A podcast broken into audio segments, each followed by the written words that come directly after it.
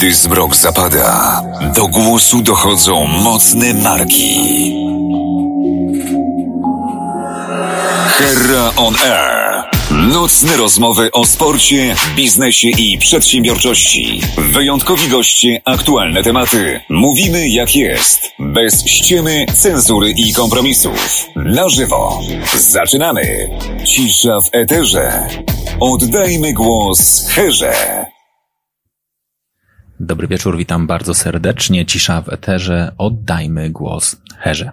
To zapowiedź sygnalizuje, że dzisiaj porozmawiamy sobie o sporcie, biznesie i przedsiębiorczości, ale przede wszystkim o takim biznesie, jak kiedyś o nim powiedzieli, there's no business like show business. E, waszym gościem jest Krzysztof Antkowiak. Cześć Krzysiek, dobry wieczór. Cześć, dobry wieczór. Czy ty się musisz przedstawiać? Jasne. Ja, czy ja chciałem powiedzieć, że musisz, bo ja ciebie pamiętam, ale myślę sobie, że jakbym powiedział młodszemu pokoleniu, że, że jesteś, to nie wiem, czy wszyscy by cię kojarzyli. Nie, nie, nie. To kim ty jesteś? Ja muzykiem. A jakim muzykiem? Nie wiem, wędrownym grajkiem. Ale to prawda? Ty jakby dużo grasz e, sesyjnie?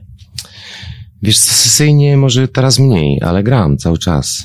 Także tak się, wiesz, to jest taka droga moja, no, tak jak każdego muzyka, że po prostu jakbym miał się określić, to jestem absolutnie muzykiem. Okej. Okay. A jak to jest być muzykiem w czasie pandemii? Znaczy ja nie narzekam.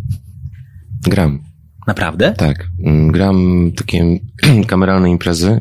Okazuje się, że ludzie po tym czasie jakby, wiesz, tego lockdownu, nie wiem jak to nazwać, no zamknięcia w domach, bo wszyscy tego, tego doświadczyliśmy, są głodni, robią urodziny na przykład, piszą do mnie na Facebooku, czy możemy zaprosić pana. Ja w tym momencie biorę fortepian, mam swoich ludzi, z którymi jeżdżę, światło i daję im po prostu, teraz wróciłem właśnie niedawno z takiego koncertu, w piątek grałem ostatnio, a w lipcu zagram sześć takich imprez. Ale takie normalne imprezy typu, nie wiem, plen, pl, nie, nie, plen, tego, tego nie możesz, bo powyżej 150 osób na razie przynajmniej. Nie, ale ja mówię, wiesz, u, urodziny, tu piękne kwiaty, ładny wystrój. Nie, wiesz co, i, i ty. w klubach okay. yy, lub w jakichś salach w hotelach wynajętych na, na imprezę do 150 osób. Także ja, ja jestem naprawdę w szoku, że no bo mam kolegów, którzy nic nie grają i tak dalej, mówią, że jestem szczęściarzem. Nie wiem, no, no mam takie szczęście akurat, że, że gram teraz. O dziwo. Wow, to, to naprawdę gratuluję. To po, po, pierwsze się cieszę, że są e, imprezy i to jest naprawdę, myślę, że bardzo dobry w ogóle sygnał, że wracamy sobie w, w tym wymiarze, a po drugie, że na tych imprezach jesteś ty. Ile lat grasz? Hmm. Wiesz co, z, z, zawód, że tak powiem, zacząłem żyć z tego, czyli ro, robić to jakby, tak można powiedzieć, profesjonalnie, jak miałem 15 lat. Czyli 32 lata jakby to robię. No dobra, no skoro mówimy jak miałeś 15 lat, to musimy się cofnąć do roku 88 e, i do Opola, bo pewnie to jest w ogóle niesamowite, że wszyscy cię z tego kojarzą, mimo tego, że pewnie jeszcze sobie o tym porozmawiamy, ale miałeś kilka większych przeboi, nie, przebojów niż e, Zakazany Owoc, natomiast on jednakże jest ten, który chyba mocno przylgnął. Jaka jest historia w ogóle tej piosenki? Hmm, prosta, znaczy krótka. Wiesz co, ja jako tam dzieciak 13-letni wystąpiłem na festiwalu w Koninie. Mhm był taki festiwal, gdzie wszyscy jakby ludzie z Polski, którzy wiesz, coś, coś robili, mogli na tym festiwalu zaistnieć, jeżeli zaistnieli w swoim mieście. Czyli tak, był przegląd piosenki w danym mieście, komisja, mogłeś tam wystąpić i oni cię w tym momencie do tego Konina jakoś tam, wiesz, kierowali, że dobra, to wygrałeś tutaj, to, to jedź do Konina, bo to był taki, to było takie opole dla, dla młodzieży, dzieci i młodzieży. Tak się, no i tam wystąpiłem z piosenką Hello, Leonela Ricci, sobie tam mm -hmm. zagrałem, przy fortepianie zaśpiewałem, no i traf chciał, że zobaczył mnie Krzysimir Dębski, Jacek Cygan, którzy pisali wtedy dużo piosenek dla różnych ludzi w tamtym czasie. No i zaproponowali nagranie płyty tak naprawdę. Z punktu. I nikt nie wiedział, że zakazany owoc będzie przebojem, bo tego nigdy się nie da przewidzieć. Rozumiesz? Po prostu robisz płytę i oni mówią, to fajna piosenka w sumie. może byśmy ją jakoś, może byś zaśpiewał ją w Opole. Mówię, no, pewnie spoko w ogóle, wiesz. Z miłą chęcią. No. Ale naprawdę tak jest, że oni ci powiedzieli, ty może byś pojechał... E... Tak, tak, że po prostu powiedzieli, że to jest fajna piosenka, że ma w sobie coś i że oni, oni uważają, że, że można by było z tym wystąpić w Opolu, bo ona jest tam melodyjna, ma, jest o czymś i tak dalej. W ogóle praca nad płytą była fajną historią, bo to jeszcze czas nagrywania na taśmę, więc wszystko było żywe, wiesz o co chodzi. To nie to, dzisiaj komputer, ileś traków i możesz sobie tylko wszystko było na taśmę wbijane. Dla mnie to była totalna przygoda, bo, bo wiesz, mnie mu zakręciła od dzieciaka małego i, i ja robiąc to w studiu, byłem totalnie podekscytowany, można powiedzieć podjarany, tak? Totalnie tym, tym, co się dzieje. Nie ogarniałem tego do końca, ale mówili, że jest fajnie. Że super w ogóle, że ci dobrze poszło, wiesz. No to mówię, dobra, okej. Okay. I, I to Opole to było dla mnie takie, ja to traktowałem na zasadzie totalnej przygody i ta trema była taka, wiesz, wiesz jak u chłopaka, który ma 15 lat. No ja to lubiłem robić, więc ja nie, nie czułem jakiejś tremy. Ja bardziej czułem takie, kurczę, taki matrix, podekscytowanie, że ci ludzie tu, ja sobie śpiewam, w ogóle fajnie. A to, że to się stało przebojem, to jest, to jest, y, to nigdy nie wiesz, czy coś się stanie, czy nie. Mam kolegów, którzy twierdzą, że robią hita, na przykład. Słuchaj, robimy hita. Ja mówię, tak, no to życzę wam powodzenia, bo po prostu nawet, wiesz, najwięksi, no, Beatlesi po prostu mieli piosenki, na które nie stawiali i ktoś, kto z boku patrzył, mówi, słuchajcie, zobaczcie, ta, ta piosenka jest świetna. Oni mówi, ale on nie, ona nie może być singlem, ona nie, ona nie, często piosenki, na które nie stawiasz, stają się przebojami. Akurat Krzysimir Jacek, nie wiem, jakoś mieli czuja, że akurat z, tym, z tą piosenką, wiesz, warto by było wystąpić, no i to, to, to się tak naturalnie stało.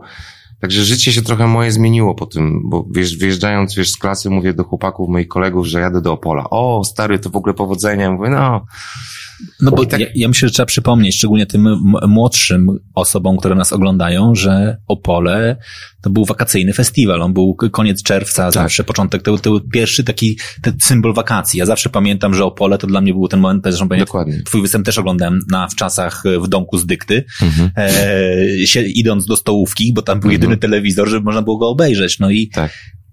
no i ty później wchodzisz, jest y, początek wakacji, jest przebój i masz dwa miesiące na to, żeby wywalić swoje życie do góry nogami.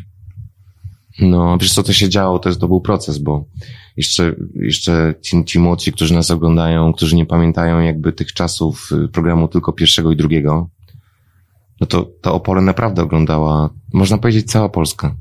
Jak tam wystąpiłeś, no to, no to widzieli cię praktycznie wszyscy, którzy mieli telewizory, a większość ludzi miała telewizory. Mhm. Zdecydowana większość. A jak nie, tak? mieli, nie mieli, to na Opole się szło do sąsiada. Tak, znaczy to, to tak, nie było. Tak, tak, znaczy, tak, po prostu Opole musiałeś obejrzeć. Także życie mi się absolutnie wywróciło do góry nogami, bo ja już jak przyjechałem w tym wrześniu do szkoły po wakacjach, to ja już w czasie wakacji widziałem jakieś zainteresowanie ze strony ludzi, wiesz. Moich rówieśników. Yy, I to było no, to było, to było wywrócenie życia do góry nogami, absolutnie. Wiesz, no, pytaj, o co chcesz pytać, bo to jest temat dosyć, bym powiedział, no, szeroki. Dobra, ale z, to zanim jeszcze będziemy rozmawiali o tym, co po, to jeszcze porozmawiamy sobie o tym, co przed, ale najpierw kilka zasad dla Was. Czyli dla Was, którzy jesteście tutaj razem z nami na żywo.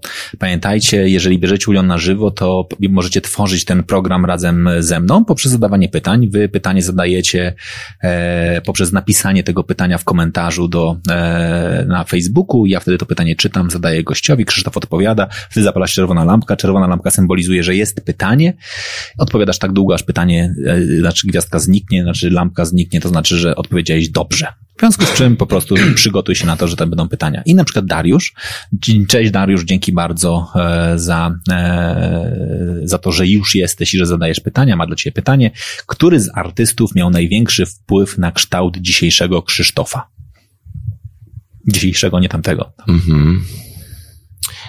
Dariuszu, to jest tak, że mm, myślę, że to jest, to nie jest do końca oczywiste, gdyż ponieważ było paru artystów takich dla mnie bardzo ważnych, którzy w takim wieku właśnie dojrzewania, czyli 15, 20, ale też tego muzycznego, powiedzmy, pierwszego dojrzewania byli bardzo ważni. Był to Miles Davis, był to Prince,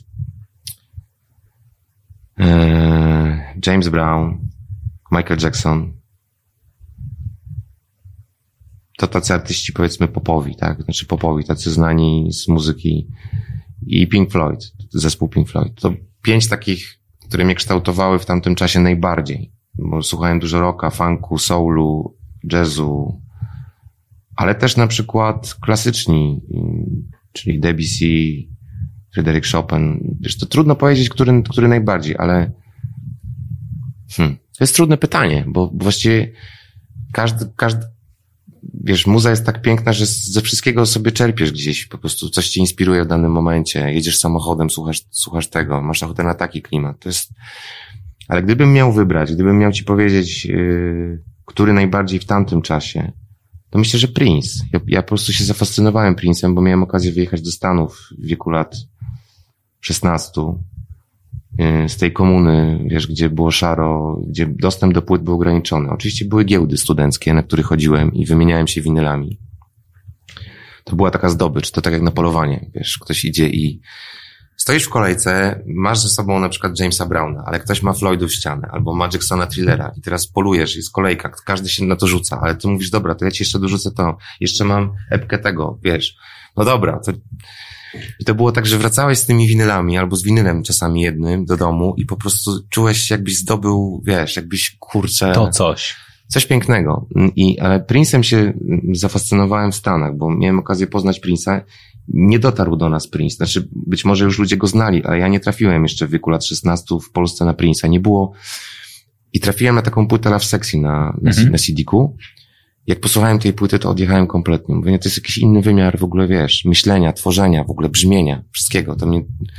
No i zacząłem całą dyskografię potem zdobywałem.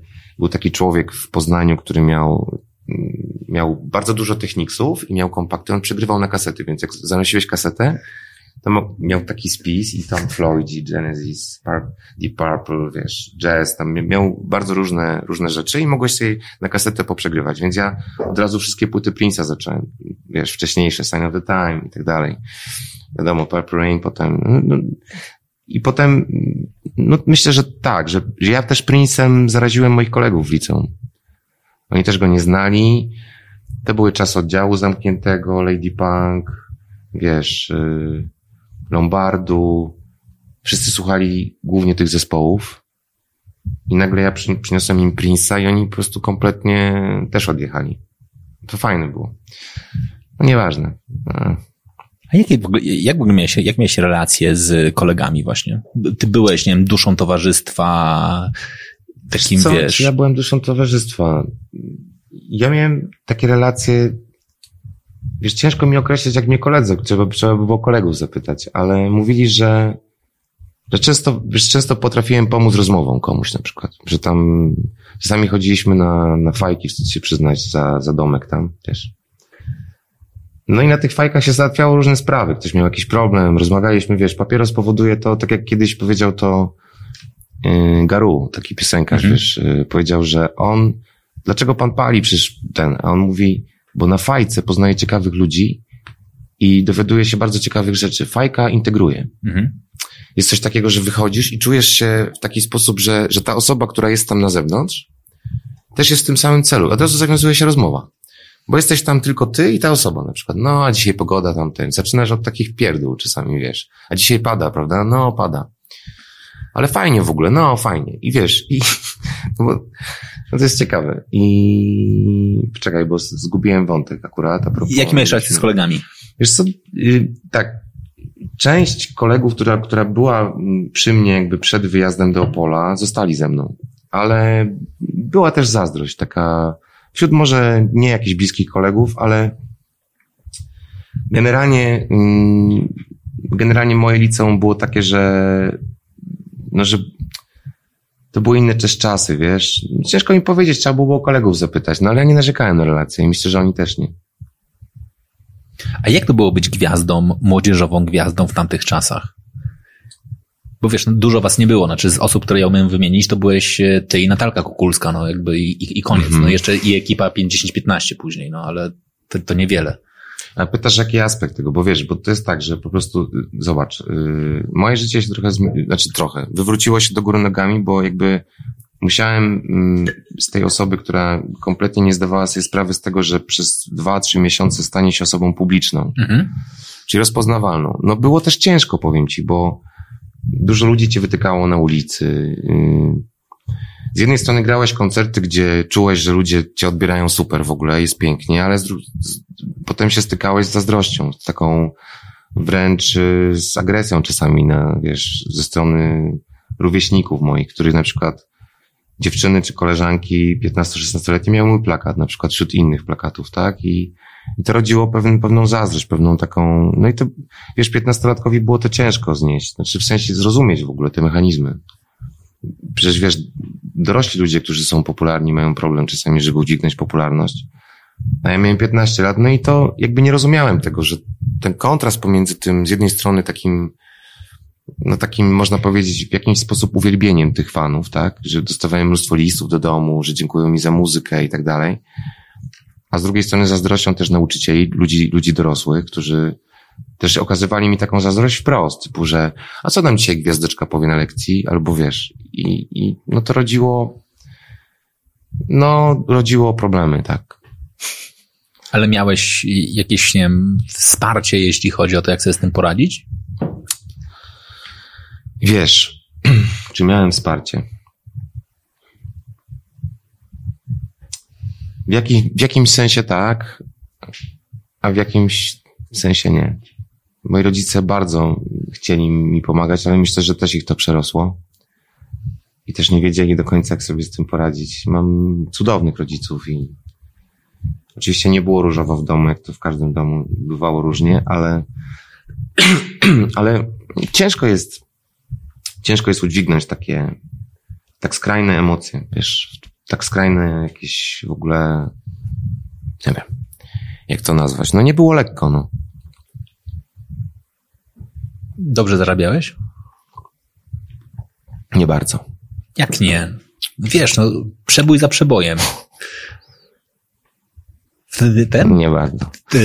Tęczo, tęczowy music box i dyskoteka nie, pana bardzo, Jacka nie płaciła. nie, nie, nie chcę o tym mówić, wiesz. Czasami mnie śmieszy to, jak ludzie mnie postrzegają i myślą sobie, no tak, miał tego hita. Ty tu. miałeś, wiesz, miałeś kolorową koszulę, zielone Tak, spodnie, tak. zieloną czapeczkę w Opolu, wiesz, to, to wszystko wyglądało drogo, no. Tak, tylko realia w Polsce były takie, że niezależnie od tego, czy sprzedałeś 5 płyt, czy 500 tysięcy płyt, stawka była od minuty, czyli polskie nagrania płaciły tak zwaną minutówkę, czyli jak 44 minuty były, to dostawałeś na przykład, tak jakbyś teraz dostał 738 zł. I nieważne, czy tych, tak jak powiedziałem, czy tych płyt sprzedałeś 10, 100, 1000, 100 tysięcy, 200 tysięcy, czy 500 tysięcy. To nie, to nie było istotne. Dostawałeś taką stawkę. Ja pamiętam, że za płytę Zakazany Owoc, za nośnik, który tam się dobrze sprzedał bardzo, bo to była i złota płyta, i złota Mhm. kaseta i tak dalej, nieważne. Mogłem sobie kupić rower za tą płytę. I kupiłem Romet Sport, pamiętam, kolażówka. Dokładnie mi starczyło na, na rower. Także czy dużo? No, zależy. Wtedy rower akurat był dla mnie marzeniem, więc Wtedy wydawało się, że to jest po prostu coś, co Dokładnie. jest... Nie to jest relatywne, wiesz. obłęd. I kiedy zniknąłeś? Wiesz co, czy zniknąłem? Zniknąłem dla, dla mediów, dla, dla, wiesz, nie wiem, dla świata takiego, bym powiedział, muzycznego.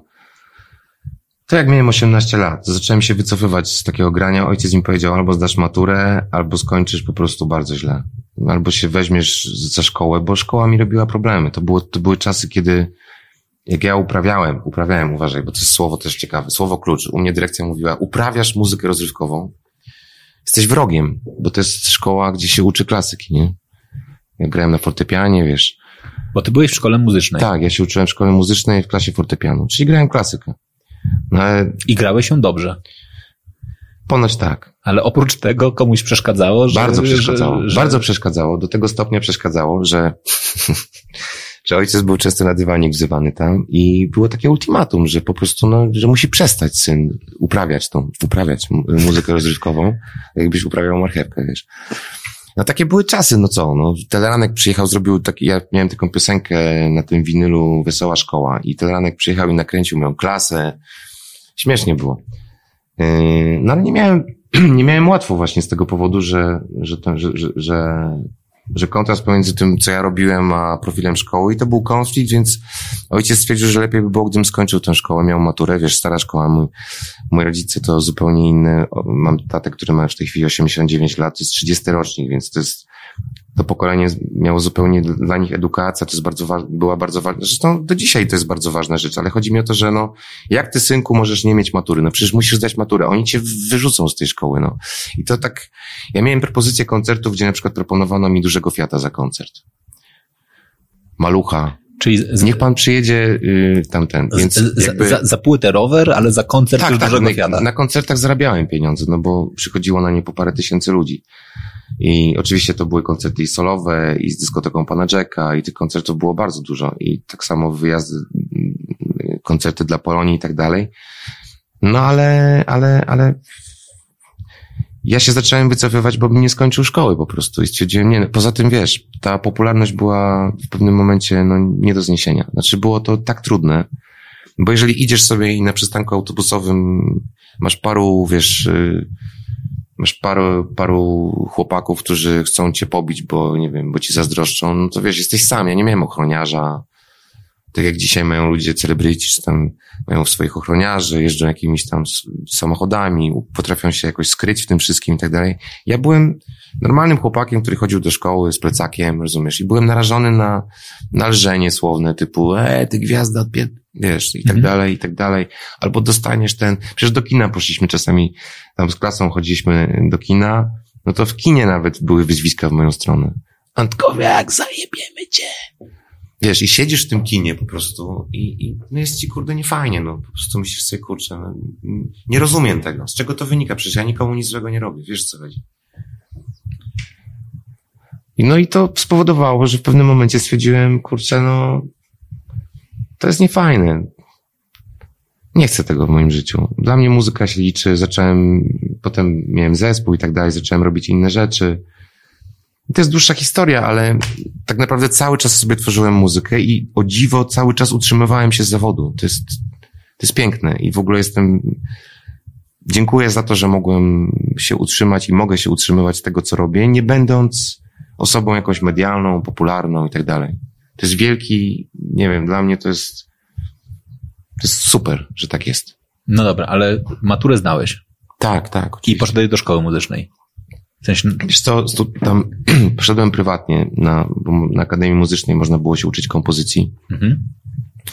I nie studiowałem na Akademii Muzycznej jako takiej, po prostu, że tam chodziłem na zajęcia, tylko sobie indywidualnie chodziłem na kompozycję, bo potem już zaczął się u mnie taki okres, kiedy miałem zespół, kiedy mi zależało na tym, żeby pokazać się ludziom z innej strony, co zaowocowało później, w późniejszym czasie płytą Delfin z, ze świętej pamięci Grześkiem Ciechowskim. Mhm. Więc to jakby też była droga. To, to wszystko była jakaś droga, tak? Yy, I to Poza tym w międzyczasie grałem jednak koncerty. To nie było tak, że w ogóle się powiedziałem, nie gram koncertów. Tylko jakby zniknąłem, przestałem udzielać jakieś wywiady do gazet, wiesz. Jakby to od, odciąłem się od tego, nie, nie. Ale uważasz, że to była dobra decyzja?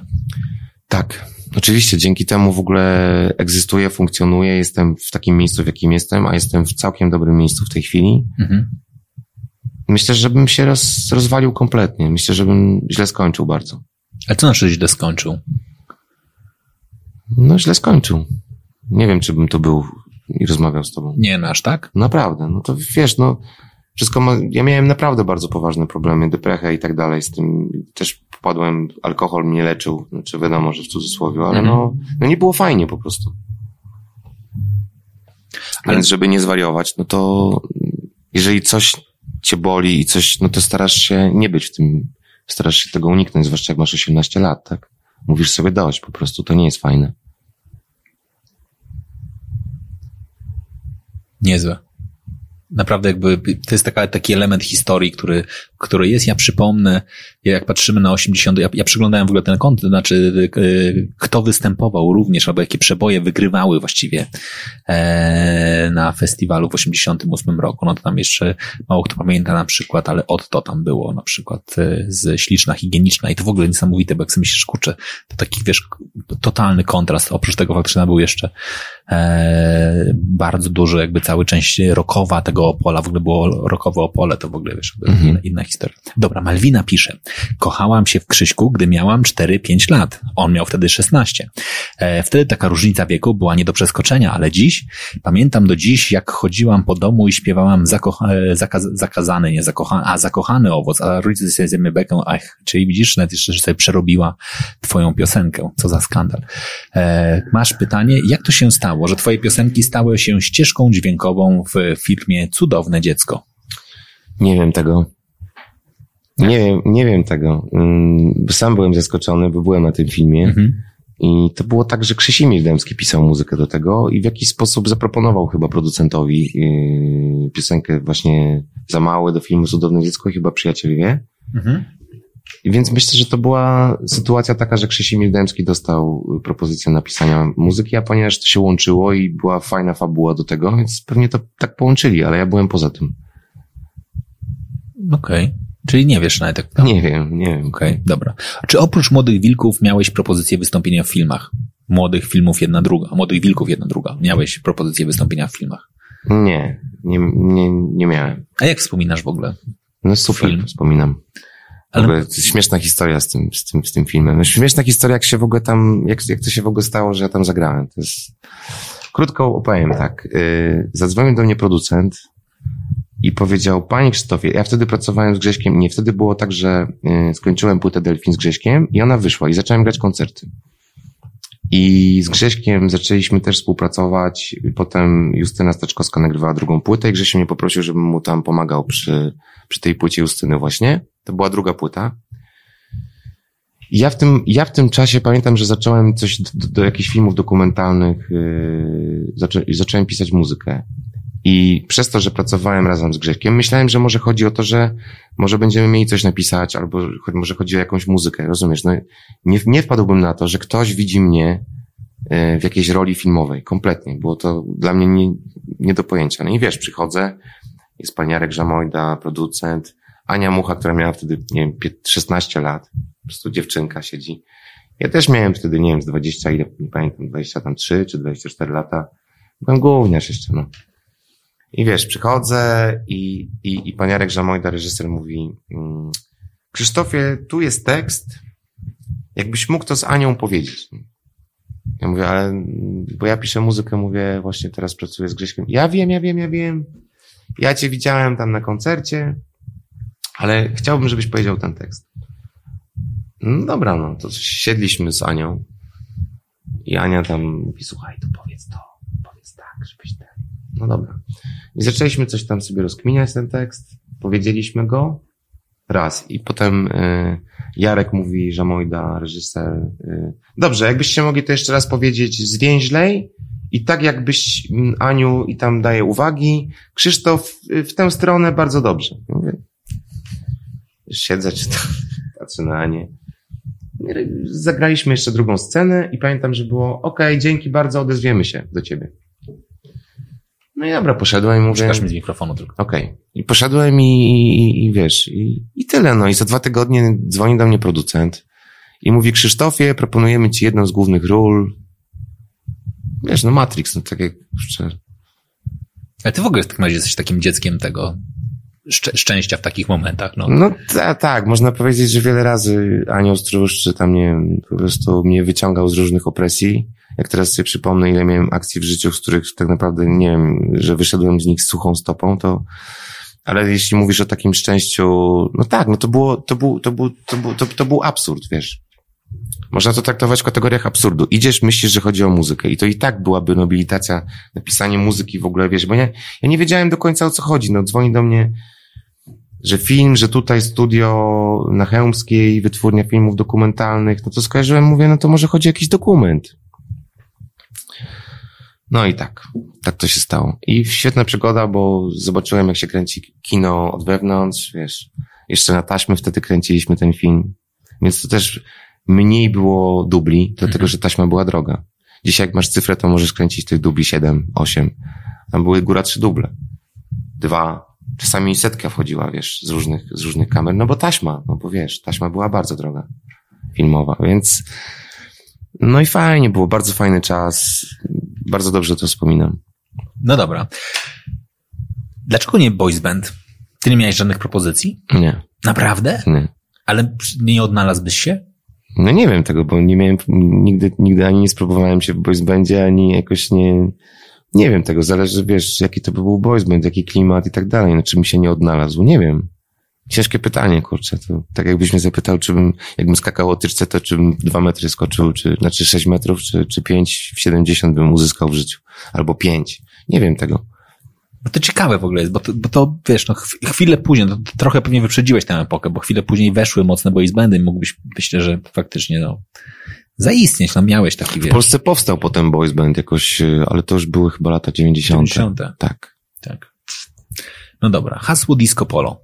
Y, Dariusz zadaje pytanie. Czy nie ciągnie Krzyśka do pójścia w komerchę i trzepania kasy za oczy błękitne, czy bokserki w kropki? Przecież y, nowa wersja zakazanego owocu zrobiłaby karierę. Tak. Nie ciągnie cię? Nie. No jak nie? Znaczy, słuchaj, jeżeli... Ale zobacz, jesteś dobry na klawiszach. Ja już dostawałem tyle y, takich znaków, zrób zakazany owoc, jakiś cover, zrób remix, zrób to, zrób tamto, po prostu. Słuchaj, y, znaczy disco polo to w ogóle jest jakby odrębny temat i jakby już zostało wszystko o tym i, i moim zdaniem powiedziano, nie ma sensu o tym mówić. Y, znaczy ja nie widzę sensu, po prostu. Są na to odbiorcy, ja z tym nie dyskutuję, jest rynek na wiele rzeczy, więc jakby każdy robi to, co lubi, każdy, jeżeli wiesz, no, jeżeli ktoś chce, to niech to robi. Ja, ja na pewno nie, nie mam ochoty. To co cię kręci w muzyce? Wiesz co, emocje, prawda, wrażliwość. Głównie emocje mnie kręcą.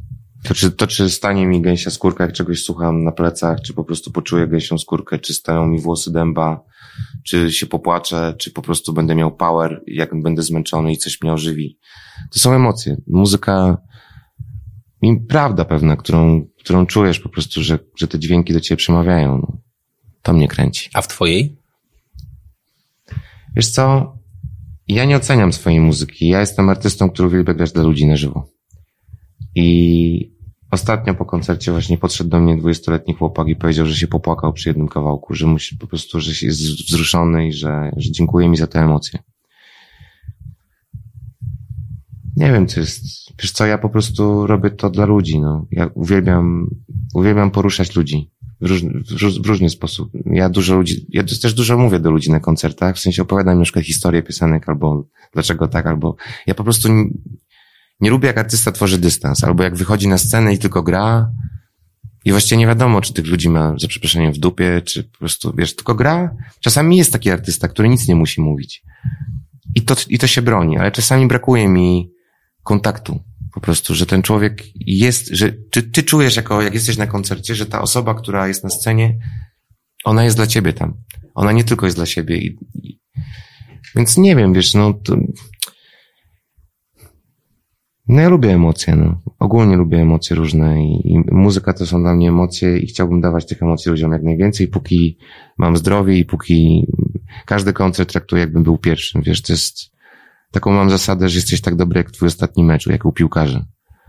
Jak ktoś mi mówi, jesteś w świetnej formie, okej, okay, dzięki, ale to dzisiaj.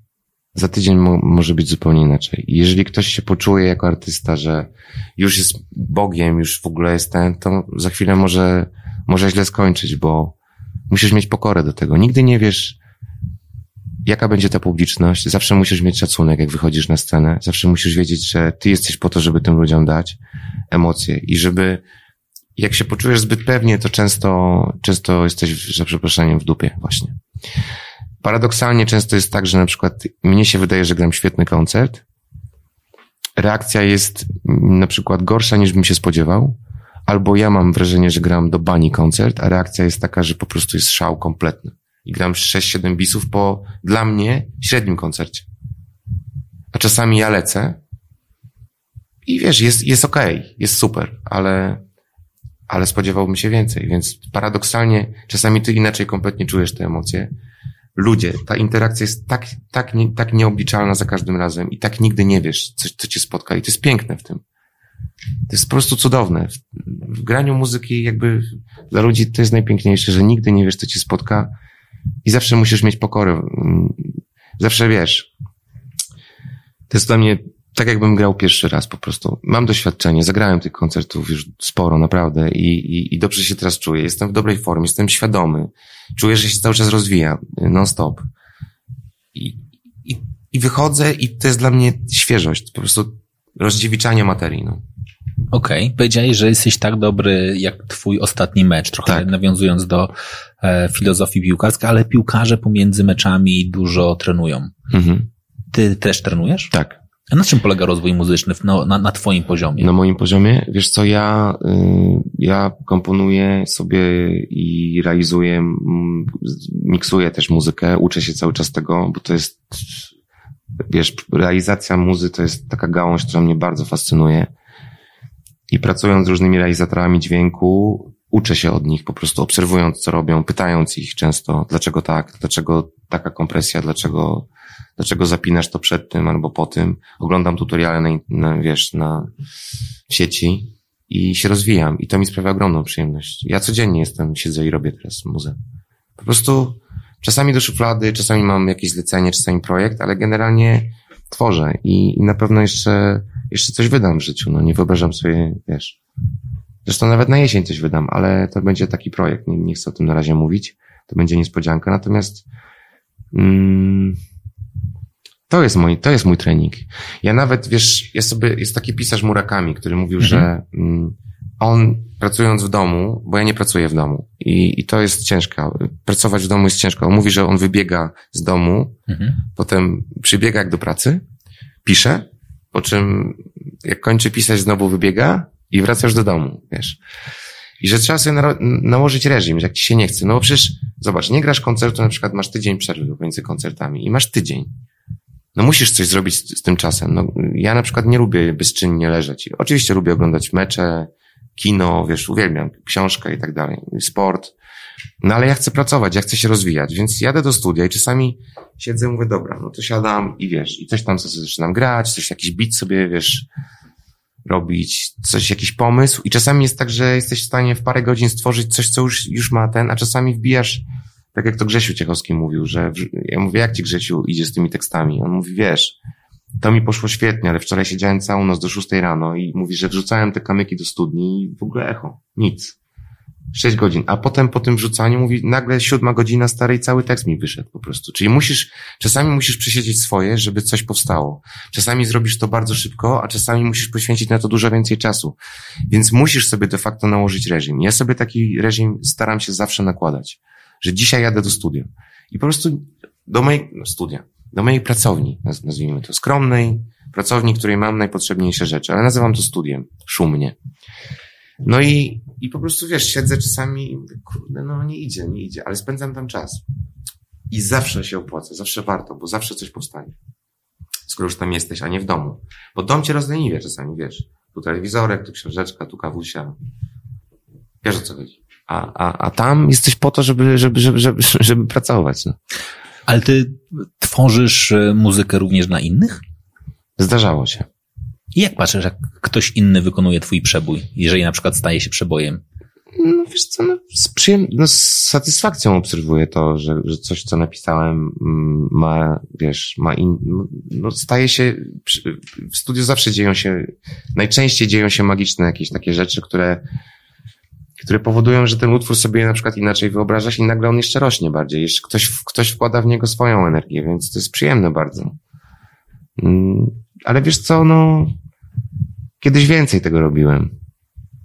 A teraz, teraz jakoś tak mam potrzebę tworzenia bardziej dla siebie chyba. Ale do szuflady? W końcu. No do szuflady dużo, tak. Naprawdę? Tak, miałem problem, wiesz co, z weryfikacją tego, że czy mam już się podzielić z tym ze światem, czy nie, czy, czy to w ogóle, czasami mam tak, że coś zrobi, potem to wyrzucam, na przykład, że robię coś i, i mam podpałkę, typu, że o, kurde, fajne. Po czym wracam, mówię, nie, to jest do dupy. I jak były płyty, to robiłem do kosza. Naprawdę, zapominałem o tym. Teraz możesz sobie zrobić delay, wiesz, i kasujesz. E, dla mnie weryfikacją tego, czy coś jest dobre, jest to, czy za dwa lata, jak tego posłucham, to czy to będzie miało siłę. Czyli nie patrzę na to, że dzisiaj mamy takie brzmienia, jest modne, nie wiem, powiedzmy elektro, powiedzmy tam, że jutro będzie two-step, jeszcze wróci, albo dubstep. Mam to gdzieś po prostu. Tworzę jakąś piosenkę, i nie patrzę, że ona ma być teraz y, dobra, a za pół roku będzie pase, bo brzmienie nie to już, bo będzie trącić myszką. Patrzę na to, czy ta piosenka jako kompozycja broni się, czy ta emocja się broni. Czy ta emocja, którą dzisiaj czuję i mówię sobie jest fajna, może, za dwa lata też mnie będzie kręcić. Jeśli tak, zostawiam to i wydam to. I tak weryfikuję czasowo po prostu rzeczy, które robię. Nie mam ciśnienia, żeby wydawać, nie wiadomo. Chciałbym, y, chcę wydać płytę oczywiście, Ale wiesz, no trochę, trochę to jest tak, że, że ja sobie dosyć wysoko poprzeczkę chyba postawiłem. I dużo ludzi mi to mówi. Ty za wysoko sobie poprzeczkę stawiasz, przecież to już jest gotowe. Ja mówię, nie, to nie jest gotowe. Dla mnie to jest absolutnie niegotowe. To nie może tak być. To nie może tak pójść. Wiesz, było dużo przypadków w moim życiu. Rzeczy, których nie, nigdy nie chciałbym, żeby się ukazały. Przecież ja po Delfinie od razu wiedziałem, że to nie jest... Ja już po, po dwóch tygodniach już mi się ta płyta... Mówię, nie, no to można by było inaczej zrobić. Po prostu to jest takie naturalne, wiesz. Dużo, dużo twórców ma tak, że po prostu coś zrobi i za chwilę chce to poprawiać, ale musi przyjść moment, w którym mówisz, dobra, wypycham to. I teraz jestem w takim momencie, że ta decyzja jest dużo łatwiejsza do podjęcia niż jeszcze 10-5 lat temu. W tej chwili wiem już, co, co mogę wypchnąć, a co, co nie. A jeszcze parę lat temu nie wiedziałem, ale wydaje mi się, że to z czasem u mnie przyszło jakaś ta, jakiś rodzaj dojrzałości we mnie jest, myślę. Jakiś. No dobra. To jeszcze zanim przejdziemy do pytań, od y, których jest bardzo dużo tutaj od y, słuchaczy, czy też od oglądających, to ja bym chciał jeszcze zapytać o drugi wielki przebój, jak on powstał, jak z nim było, czyli pada śnieg. No kurczę, bo moim zdaniem naprawdę, jeżeli jest przebój, który jest naprawdę najbardziej popularnym przebojem e, twoim, to jest to Pada Śnieg. No jakby z Erytą Górniak zagranym, wiesz, co roku od 15 grudnia tłuczemy go wszyscy no, w, całej, w całej Polsce. No, w, w wannie już pływa świąteczny niestety, karp. Tak.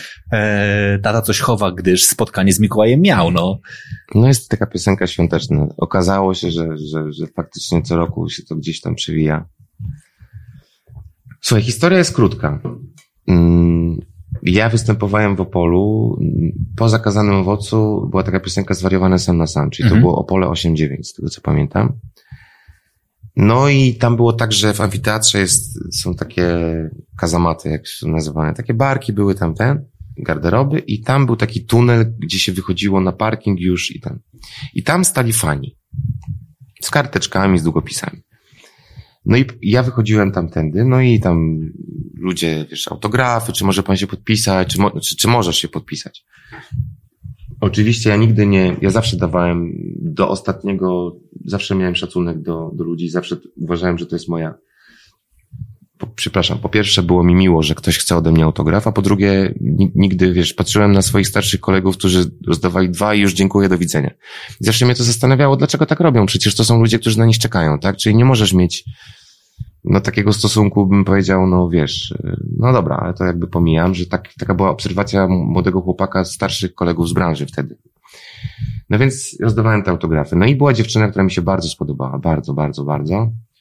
Do tego stopnia, że wymieniliśmy się adresami i stwierdziliśmy, że musimy się odwiedzić. No i tą dziewczyną była Edyta Górniak, wyobraź sobie, która po prostu podeszła po koncercie po autograf. No i, i tyle. I, i, I tak to było, że potem odwiedzaliśmy się y, jako młodzi bardzo ludzie. To były czasy listów, więc mhm. wiesz, i, i telefonów stacjonarnych.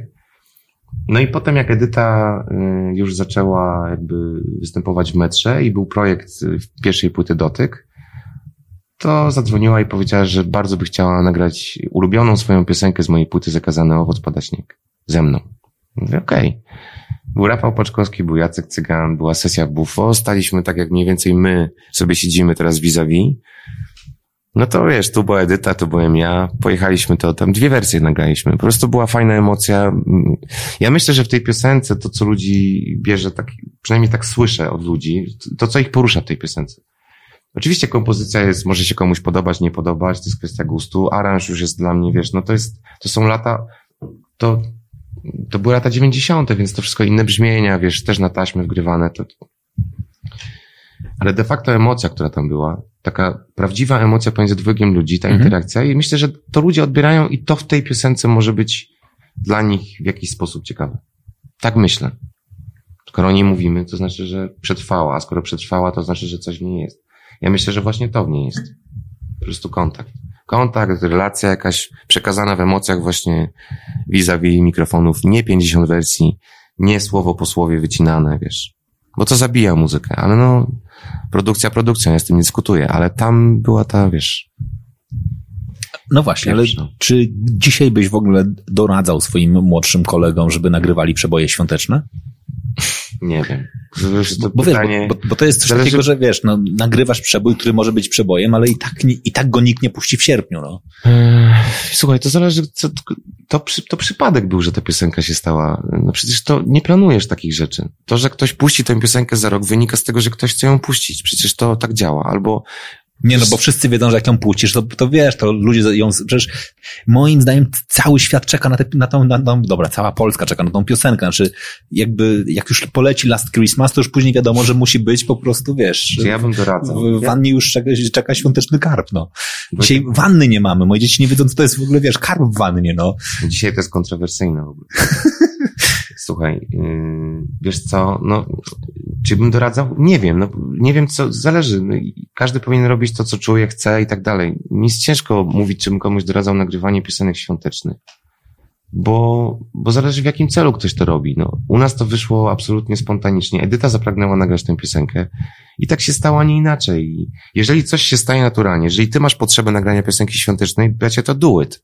Ale jeżeli kurczę masz Y, masz założenie, że ja chcę zrobić piosenkę świąteczną i zarabiać na tym cash co roku, żeby mi tam spływało, tak jak w tym filmie, pamiętasz, Hugh Grant grał, tak jest. Y, jego ojciec napisał przebój świąteczny, no to nie wiem, czy ci się to uda po prostu, bo jak, jak może ci się to uda, ale jeżeli czasami kalkulujesz za bardzo w muzyce, to, to się nie sprawdza, to ludzie to wyczują. Ludzie wyczują fałsz w muzyce. I prędzej czy później coś nie przetrwa. Nawet jeśli jest na siłę bardzo mocno promowane w radio, grane tak, że już masz tego po prostu dosyć. To jeśli tam nie ma szczerości i prawdy, to to przeminie, to, to zginie. Tak, to nie, nie prze, jakby nie, nie przetrwa próby czasu. Zobacz, to jest piosenek jednosezonowych takich, które potem już nigdy się nie pojawią. Jest, jest w ogóle ten, e, jakiś, jakaś recepta na przebój? Nie. Nie ma. Znaczy ja nie, ja nie wiem, czy jest, czy nie ma. Być może jak Tuzy, wiesz, Quincy Jones, producenci by ci powiedzieli, że oni mają jakąś receptę na, na ten, ale też stwierdzili, że nie mają. Jak słuchałem czasami wywiadu, bo mnie to interesowało, jak ty wiesz. Myślę, że do minimum ograniczasz ryzyko tego, żeby to nie był przebój. W przypadku takich producentów. Czyli jest świetna linia, świetna harmonia, świetnie zaśpiewane, jest o czymś, jest emocja. To na 99% się uda, tak? Ale ten czynnik ludzki zawsze jest nieprzewidywalny. Nie wiesz, co do końca zażre, że tak powiem, czy, czy nie. Czy to, czy to nie zażre. Tego, ten pierwiastek ludzki jest zawsze nieobliczalny, ale ja nie znam takiej recepty i zawsze się uśmiecham pod nosem z kolegów, którzy mówią, że robimy hita. Zawsze mam taki, no okej. Okay. Życzę im, żeby zrobili, ale samo podejście takie jest dla mnie trochę ciekawe, no dziwne. Okej. Okay. Dużo pracujesz z młodzieżą? Wiesz co, zdarza mi się. Zdarza mi się prowadzić warsztaty, czasami grupowe, yy, czasami ktoś indywidualnie się zgłasza, żeby go tam poprowadzić wokalnie. Nie robię tego często, bo też jakby dopóki mi to sprawia przyjemność i nie popadam w rutynę, to, to tak, to, to będę robił. Ale nie chciałbym tego robić też za często, żeby nie, właśnie nie popaść też takiego, że ja jakby podchodzę z taką rutyną do czegoś. Nie lubię tego. Okej. Okay. Każdego można nauczyć śpiewania?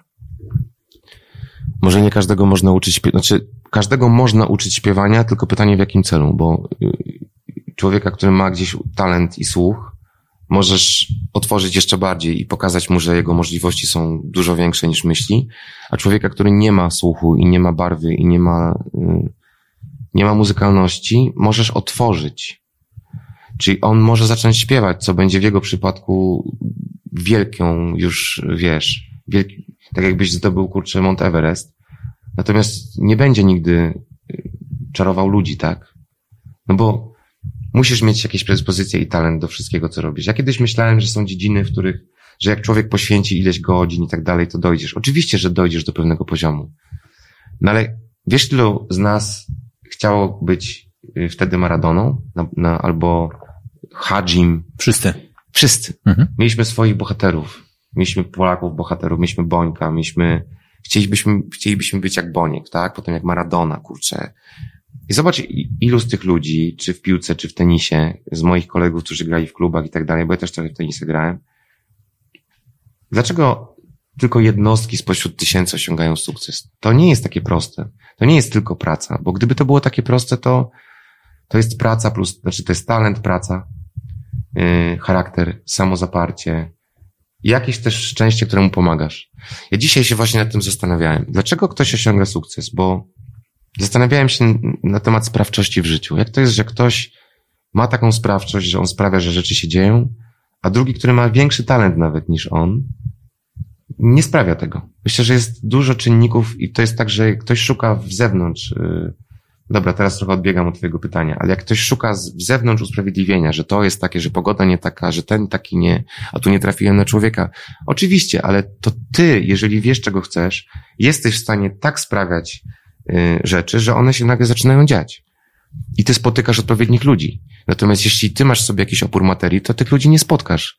Jeżeli ci bardzo zależy, to czasami ta energia, którą wypuszczasz, nawet odgania to, co byś chciał uzyskać. Natomiast jeżeli robisz to z jakimś, jakąś świadomością, ze spokojem, to pomagasz temu. I powiem ci tak, każdego można uczyć śpiewać. A śpiewanie to jest w ogóle otwieranie człowieka. To jest, wiesz, na przykład Gruzini. Gruzini to jest chyba najbardziej, jeden z najbardziej rozśpiewanych narodów na świecie. Oni uwielbiają śpiewać przy biesiadach, jeść razem i śpiewać.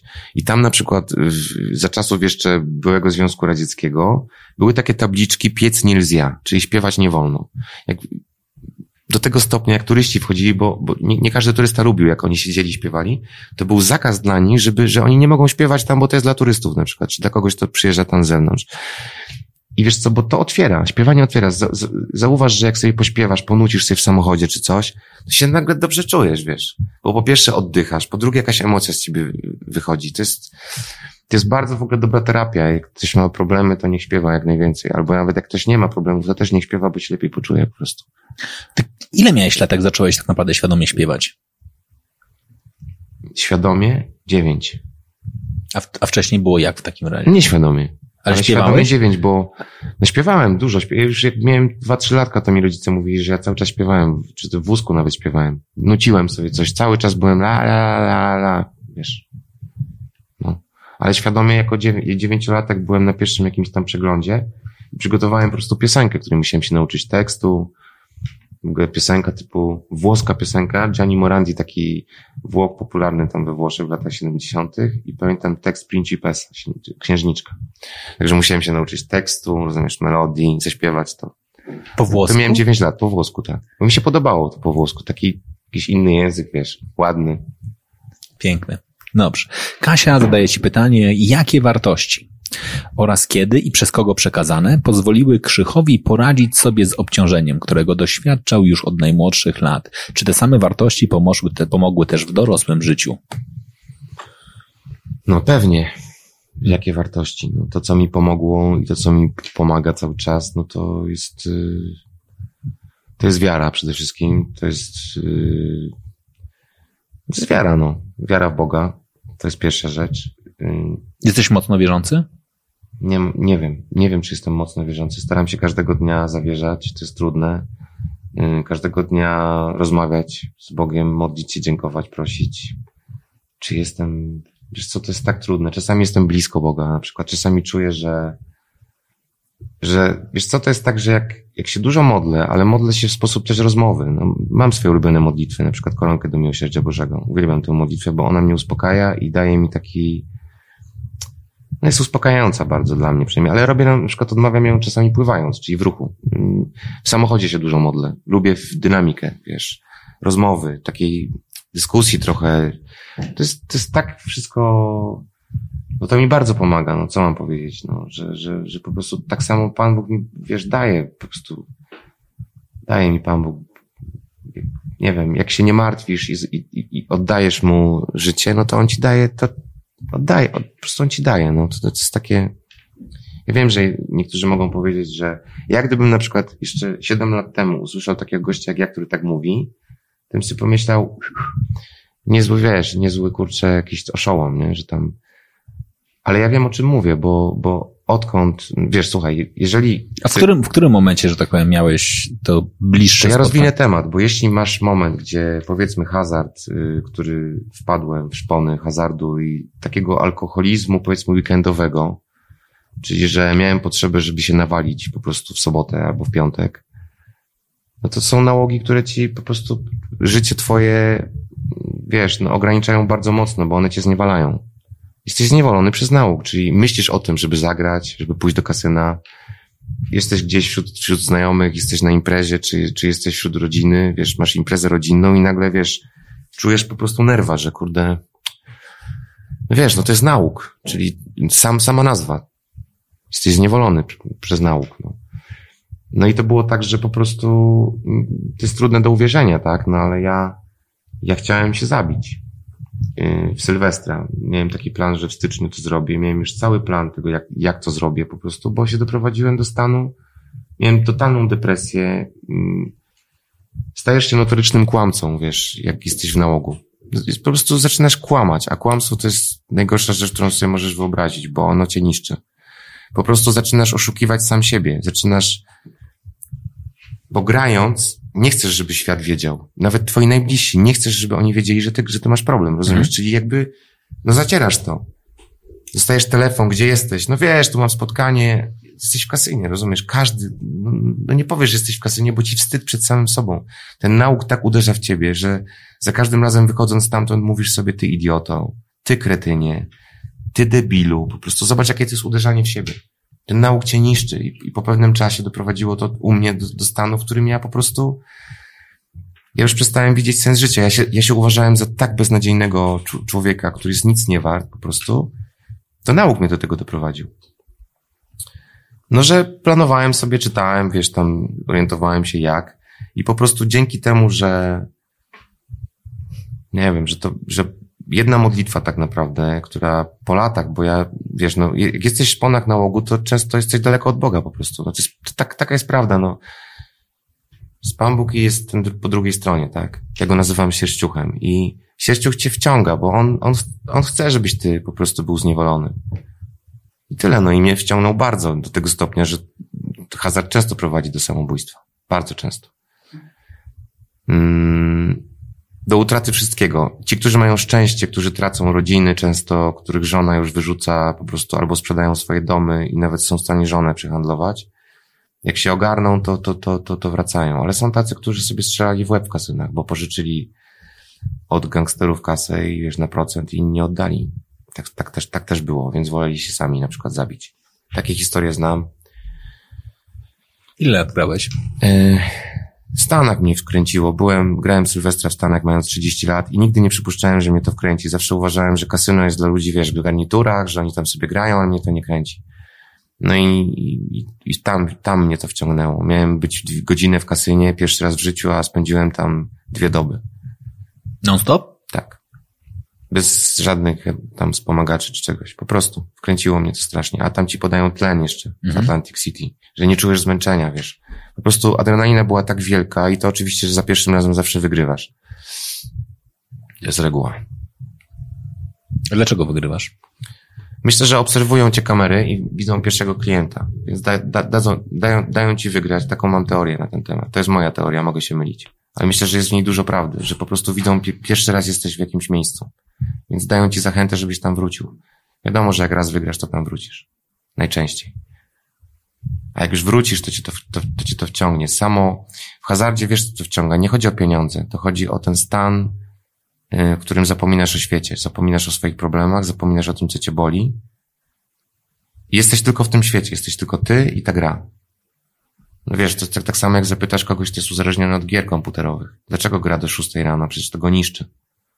Mechanizm jest bardzo podobny w tych nałogach. A dlaczego pijesz? No czasami słyszysz pije, żeby zapomnieć. To jest dokładnie ten sam mechanizm na ogół, rozumiesz? W związku z tym yy, wciągnąłem się w Stanach, trwało to 10 lat. Te 10 lat doprowadziło mnie do momentu, kiedy naprawdę było źle. I co najważniejsze, no, yy, pomodliłem się, ale tej modlitwie była właściwie i desperacja, i krzyk, i wołanie o pomoc, i wręcz, Boże, jeśli jesteś, to mi pomóż po prostu, bo ja już, ja chcę, ja chcę umrzeć po prostu. I to było tak, że ja, ja naprawdę, ja pamiętam, że tego Sylwestra leżałem w łóżku, i pukali znajomi do drzwi. Ja nie, ja nie chciałem nikogo widzieć. Ja już byłem naprawdę w fatalnym stanie po prostu. I na drugi dzień się obudziłem i wierz mi, że coś poczułem takiego, jakby coś się zmieniło, jakby ten świat, który mnie otacza, to niebo, to wszystko było inne. Na zasadzie takiej, poczułem jakiś spokój w sobie. Nie wiedziałem, że jestem, że nie mam, że nie będę miał z tym problemu. Słuchaj, to jest nie do uwierzenia, ale ja, moja noga od tamtej pory nie postała, nie byłem ani w kasynie. Wiem, że nigdy nie mogę tego zrobić, bo jeżeli bym przekroczył jeżeli bym to zrobił, to bym zniszczył wszystko to, co buduję przez ostatnie 6,5 roku, tak? To jest bezsens. To, to, to, to tak jakbym się chciał sam, jeśli bym się kiedykolwiek chciał sam skazać na, na pożarcie, to proszę bardzo. A to, że o tym powiedziałem publicznie, zrobiłem to z dwóch powodów. Po pierwsze, pomyślałem sobie, że moja historia może kogoś zainspirować. Bardzo dużo ludzi ma problem z, z nałogami. I to nie, nie chodzi o hazard, czy narkotyki, czy, czy, czy gry komputerowe, seks, komórka, bieganie nawet może być nałogiem. Nie zawsze zdrowym. Bo znam takich, którzy się mogą zabić, po prostu, żeby na pustyni, no już też przekraczają granice. Ja tego nie krytykuję, ale wiem, że to też się może stać nałogiem. Mhm. Że żyjemy w czasach nałogów z jakichś powodów. Więc pomyślałem sobie, że powiem o tym głośno. Przyznam się do tego, bo nie ma nic złego, w, wiesz, jesteśmy czasami słabi, czasami mocni. Uważam, że człowiek powinien szczerze mówić o tym, jak jest. Jak, że, że każdy z nas przeżywa różne okresy, że nie ma ludzi tylko mocnych albo tylko słabych, że każdy z nas może być w tych miejscach słabszy, w tych mocny i należy o tym rozmawiać szczerze. To był pierwszy powód. A drugi powód był taki, że pomyślałem sobie, że jeżeli powiem o tym publicznie, to zrobię sobie jeszcze większą barierę do tego, żeby przekroczyć, ponieważ jestem osobą gdzieś tam rozpoznawalną. I musisz zawsze dać dowód w kasynie. Jeżeli powiesz o tym głośno, to jeszcze sobie zabezpieczysz tą furtkę, że po prostu zrobiłem to z, jednym, z dwóch powodów. Może kogoś zainspiruję. Okazało się, że zainspirowałem. Okazuje się, że dostałem bardzo dużo wiadomości, że panie Krzysztofie, mój mąż tam posłuchał pana i, i tego wywiadu, bo ja u Kuby Wojewódzkiego o tym powiedziałem mhm. też kiedyś w wywiadzie. Dostałem bardzo dużo takich pozytywnych y, po tym wywiadzie takiego feedbacku od ludzi. Nie spodziewałem się tego. I stwierdziłem, dobra, było warto po prostu. Ja nie zrobiłem tego, bo kalkulowałem, tylko po czasie doszedłem do wniosku, że, że prawda się zawsze obroni i może coś komuś, wiesz, może coś komuś dobrego powiedzieć. Także to były dwa powody. A siebie też bardziej ochroniłem, tak? No bo skoro mówisz publicznie A, to musisz się tego trzymać. Jeżeli to złamiesz, to znaczy, że jesteś kompletnie niewiarygodny. A nie możesz być niewiarygodny tworząc muzykę i chcąc, żeby ludzie przychodzili na twoje koncerty i tak dalej, no to, to są naczynia połączone. Prawda, wiarygodność, Bóg. No staram się tak żyć, ale wiesz, upadam cały czas i to jest tak, że wiesz, Pan Bóg to jest, to jest tak jak myślę sobie, że musisz mieć jakieś korzenie, które cię gdzieś prowadzą, że możesz zbaczać, że możesz szukać, ale jeżeli nie masz do czego wracać, to jest źle. Przecież cała Europa wyrosła na tych korzeniach, tak? To jest głębszy temat filozoficzny, ale jednak, wiesz, moi dziadkowie, twoi dziadkowie, to hasło Bóg, honor, ojczyzna było dla nich bardzo ważne. Mhm. Dzisiaj jest inaczej. Nie będę rozwijał tego wątku, ale no to się zmieniło, jakby to. Są ludzie, dla których to jest ważne i jest mnóstwo ludzi, dla których to jest kompletnie nieważne, bo oni wyrośli już w innej kulturze, mieli dostęp do wszystkiego, mieli ten tak zwany stół szwedzki i trochę o tych wartościach, z których my wyrastaliśmy, Czasami nie pamiętają, nie wiedzą, nie wiedzą z czego wyrośli, co jest ich pniem.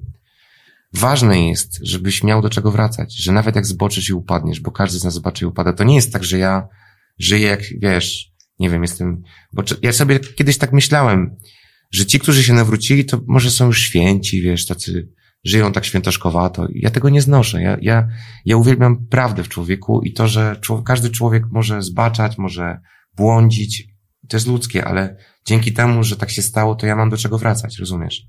A wtedy nie miałem, wtedy byłem jak, wtedy moje emocje mnie po prostu y, niszczyły. Ja nie, nie mogłem sobie z tym poradzić. Nie miałem, te, po prostu nie miałem do czego wracać. No. Teraz mam. Teraz nawet jak zboczę, to wiem, że, że mam do czego wrócić. No.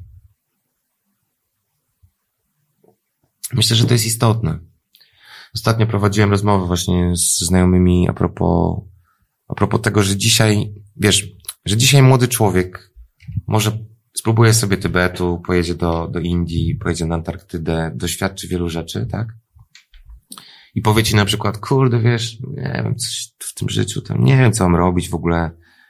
Byłem teraz w Indiach, wiesz, tam fajnie było, no ale wiesz, tam dwa tygodnie to już, potem byłem na Antarktydzie też, ale wiesz, nie wiem, co, Zobacz, to jest tak. Jeśli szukasz cały czas, ale można szukać po omacku i nigdy nie znaleźć.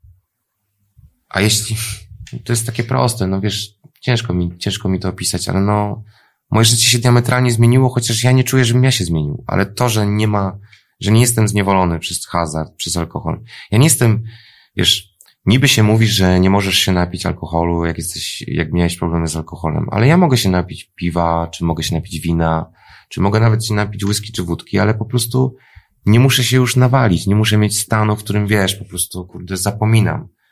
Mogę, mogę właśnie, mogę to zrobić na zasadzie, nie wiem, celebrować coś i, i to jest taka różnica dla człowieka, że on nie ma, nie musi już siebie uderzać po prostu.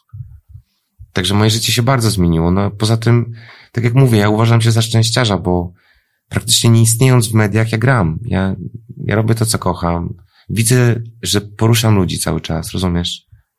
To jest dla mnie piękne po prostu, no.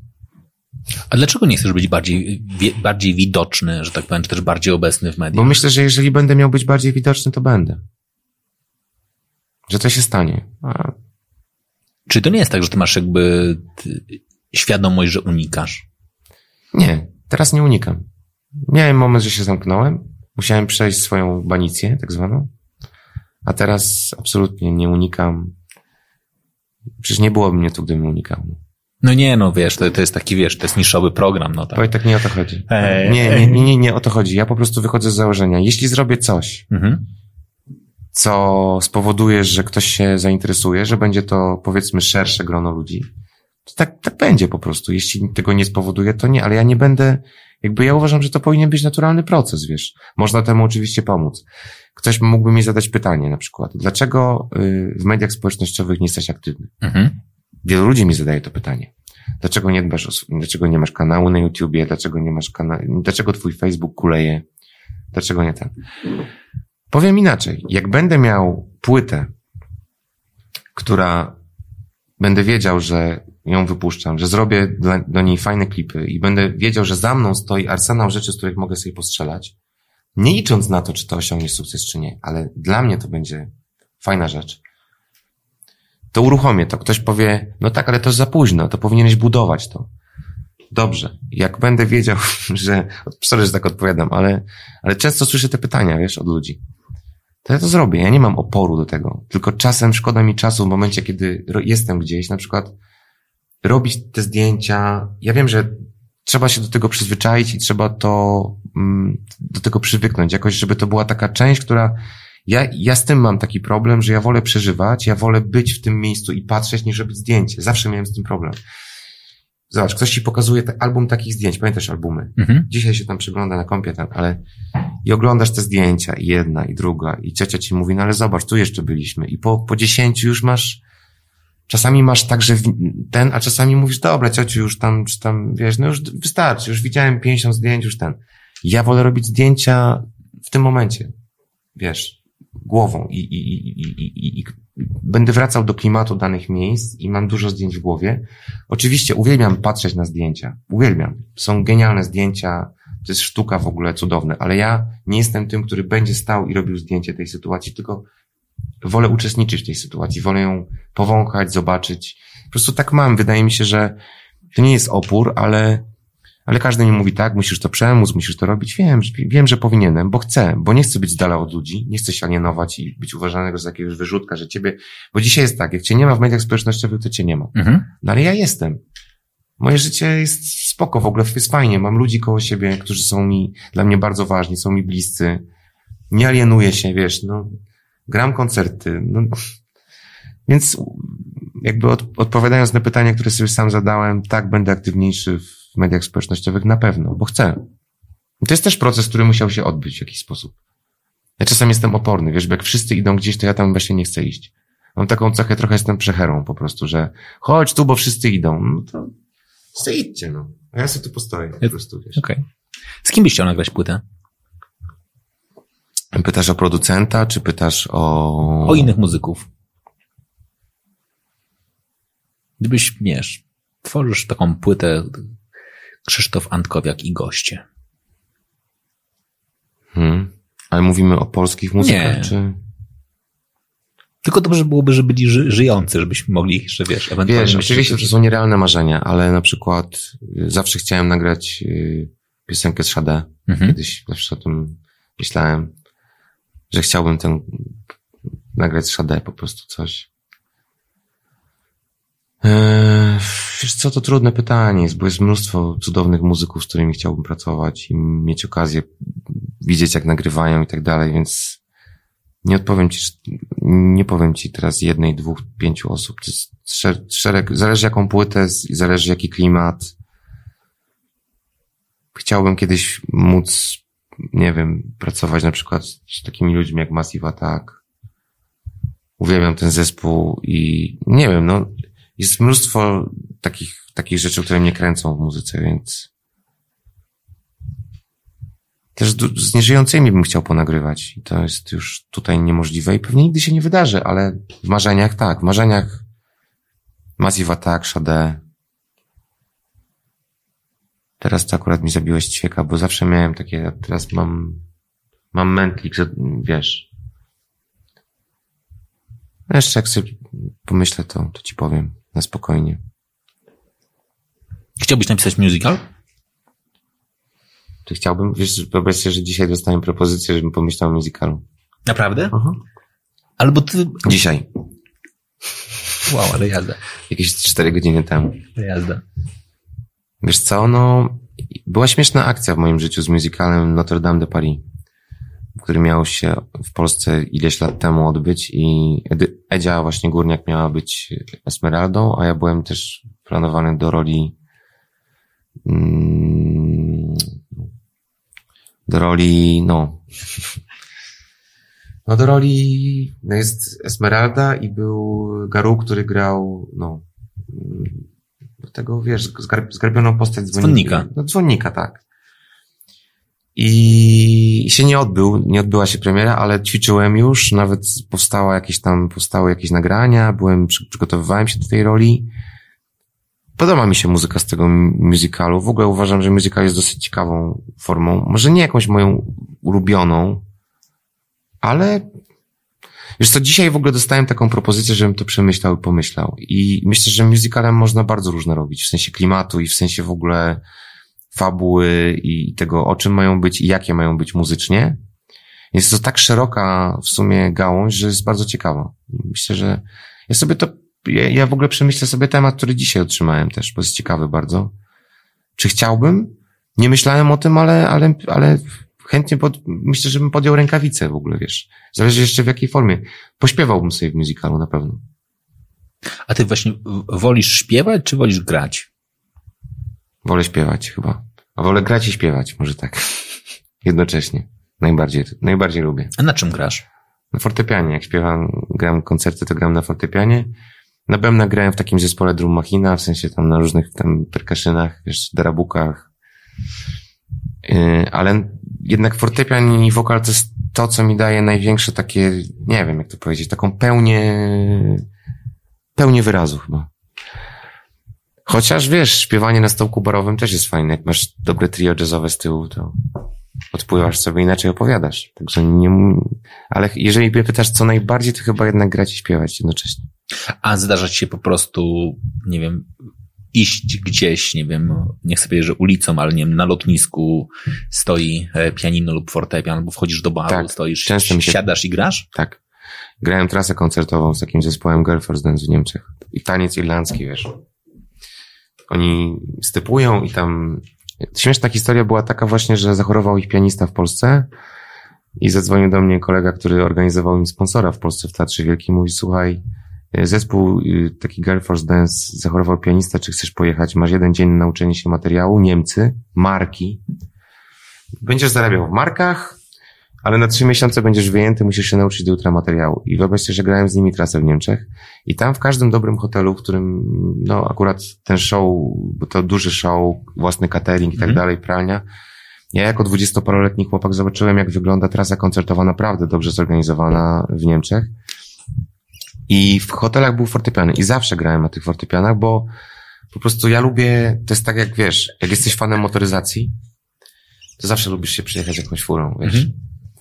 No to ja lubię pojeździć na fortepianie, poczuć jego brzmienie, jego ducha, jego klimat, jego, wiesz, no barwę po prostu. I, I, to jest tak, że wiesz, co jest najpiękniejsze, że wśród muzyków, jeżeli dam ci gitarę na przykład, jesteś gitarzystą, dam tę samą gitarę z tym samym piecem, z tym samym ustawieniem, dasz ją dziesięciu ludziom, to każdy coś innego z niej wydobędzie. Ona nigdy już nie zabrzmi tak samo, rozumiesz? To jest piękne. Każdy, każdy coś wnosi i ten instrument możesz na nim zagrać. Każdy, kto siądzie, zagra na nim inaczej. To jest niesamowite. A to jest jeden mebel niby. Ten. Dlatego tak kocham fortepiany. Ile grasz tygodniowo? Wiesz co, ja sobie gram w studio, na, na fortepianie stricte nie gram, bo nie mam fortepianu, ale mam stare pianino, z którego, z którego często korzystam.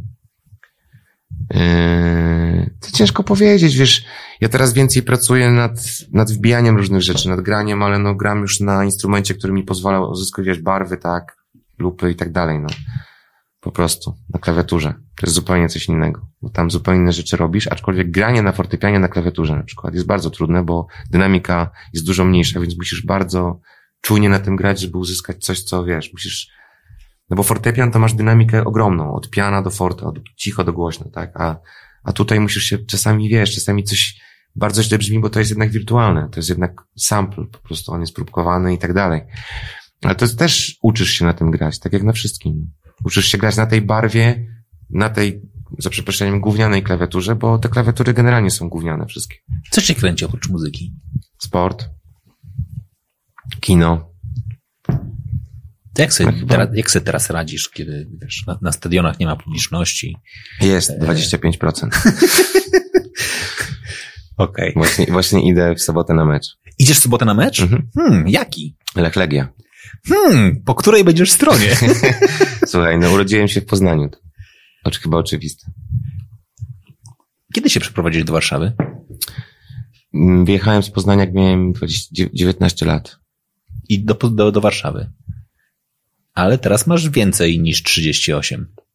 Więcej. Czyli tak. większą część czasu swojego życia spędziłeś w Warszawie. No chyba tak, no wiesz co, to cały czas krążyłem tak naprawdę ja lubię się przemieszczać, więc jak na przykład były fazy, kiedy było mniej koncertów, to, to, to, to jeździłem sobie, potem mi to minęło, bo to była taka faza, że jak grasz dużo, na przykład z Drumachiną graliśmy dużo koncertów i nagle jesteś w domu przez miesiąc, to po, tak po tygodniu zaczynasz tupać, zaczyna ci tak noga chodzić, wiesz, tak. Czegoś mi brakuje, wiesz.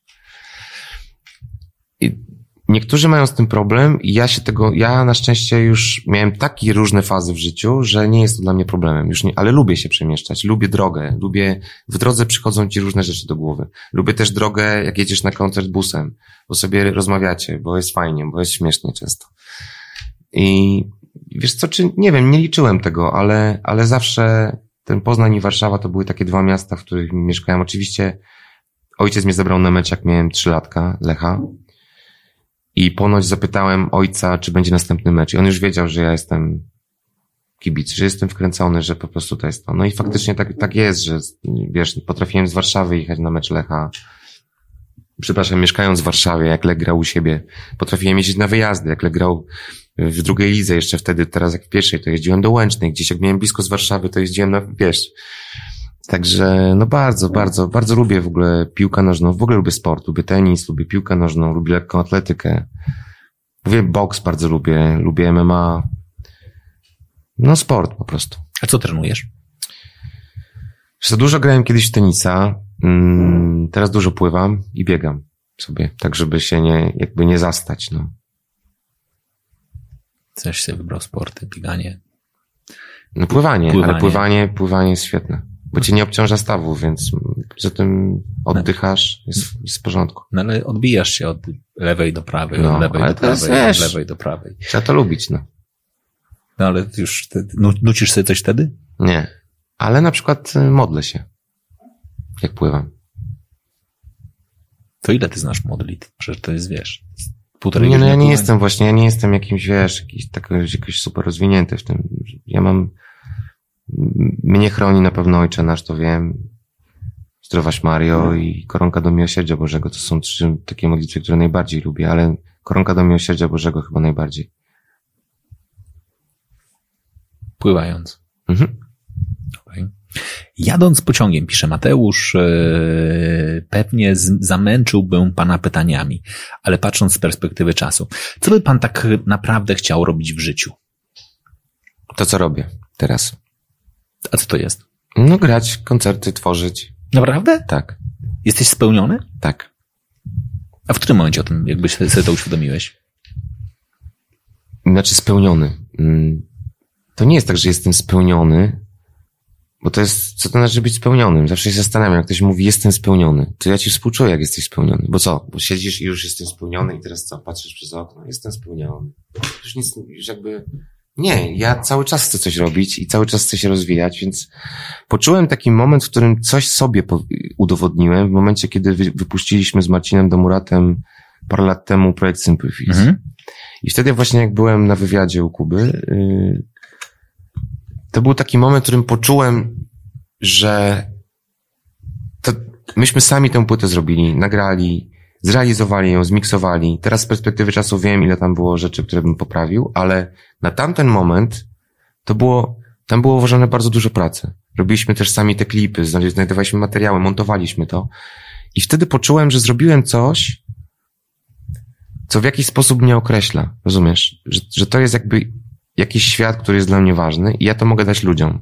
I wtedy poczułem taki rodzaj takiej radości, takiego, to nie było spełnienie, ale to była taka satysfakcja. I na koncertach, kiedy widziałem, jak ludzie reagują, pomyślałem sobie, jesteś w dobrym miejscu teraz. Jesteś w dobrym miejscu, idź dalej po prostu. Rozumiesz? A jak, jak jeżeli pan Marcin pytał? Mhm. Czy, panie Marcinie, Mateusz, pan Mateusz. Panie Mateuszu, jak miałem lat 9 i 10, to chciałem strzelać gole dla reprezentacji Polski, no. Kurczę, no. Jak, jak każdy z nas chłopaków, tak, na, na, na tym, na podwórku. No chciałem być piłkarzem, chciałem być napadziorem. Chciałem strzelać karne, chciałem założyć koszulkę reprezentacji Polski z orzełkiem, całować ten orzełek i strzelać gole dla reprezentacji Polski. No to było moje marzenie. Zapraszają cię do tych, do drużyny, arty, jak się nie, artyst, właśnie. artyści kontra dziennikarze? Nie, bo ja nie jestem jakimś, wiesz, tam no jesteś artystą, jesteś artystą i no chciałeś grać no. piłkę. No to, to moim zdaniem to już są dwie... E... Ale może jestem za mało aktywny, wiesz?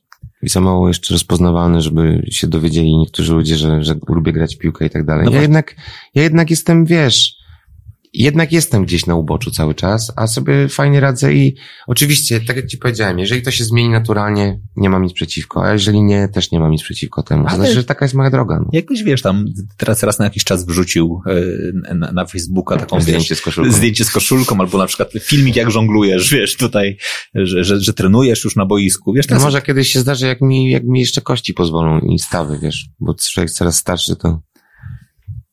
A, czekaj. Kiedyś się jarałem kawałkiem Ena albo Ewa. Czy ktoś widział Ena. E, mhm. e, e, e, czy ktoś widział Enę, czy jakoś tak. tak. E, jakieś plany na płytę lub hicior? No i z czego teraz e, przysłowiowo żyjesz? Tak ci zadaje Bartosz takie mhm. pytanie.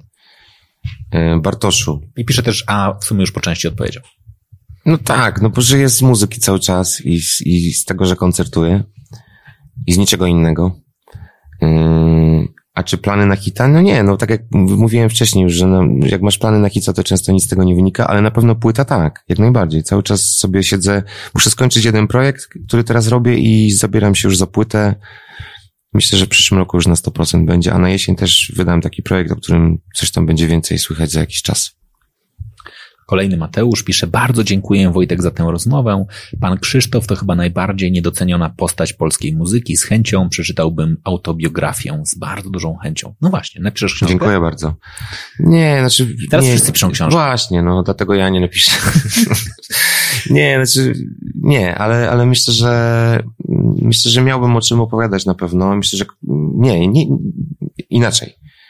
Jeśli byś mnie zapytał, czy mam o czym opowiadać, myślę, że mam. Myślę, że wielu ludzi ma o czym opowiadać. Myślę, że wielu ludzi, których, o których w ogóle my nie wiemy, mają takie historie, że ja po prostu spotykając ludzi widzę, że każdy ma tak niesamowitą historię tak niepowtarzalną i tak jedyną, że każdy mógłby napisać książkę.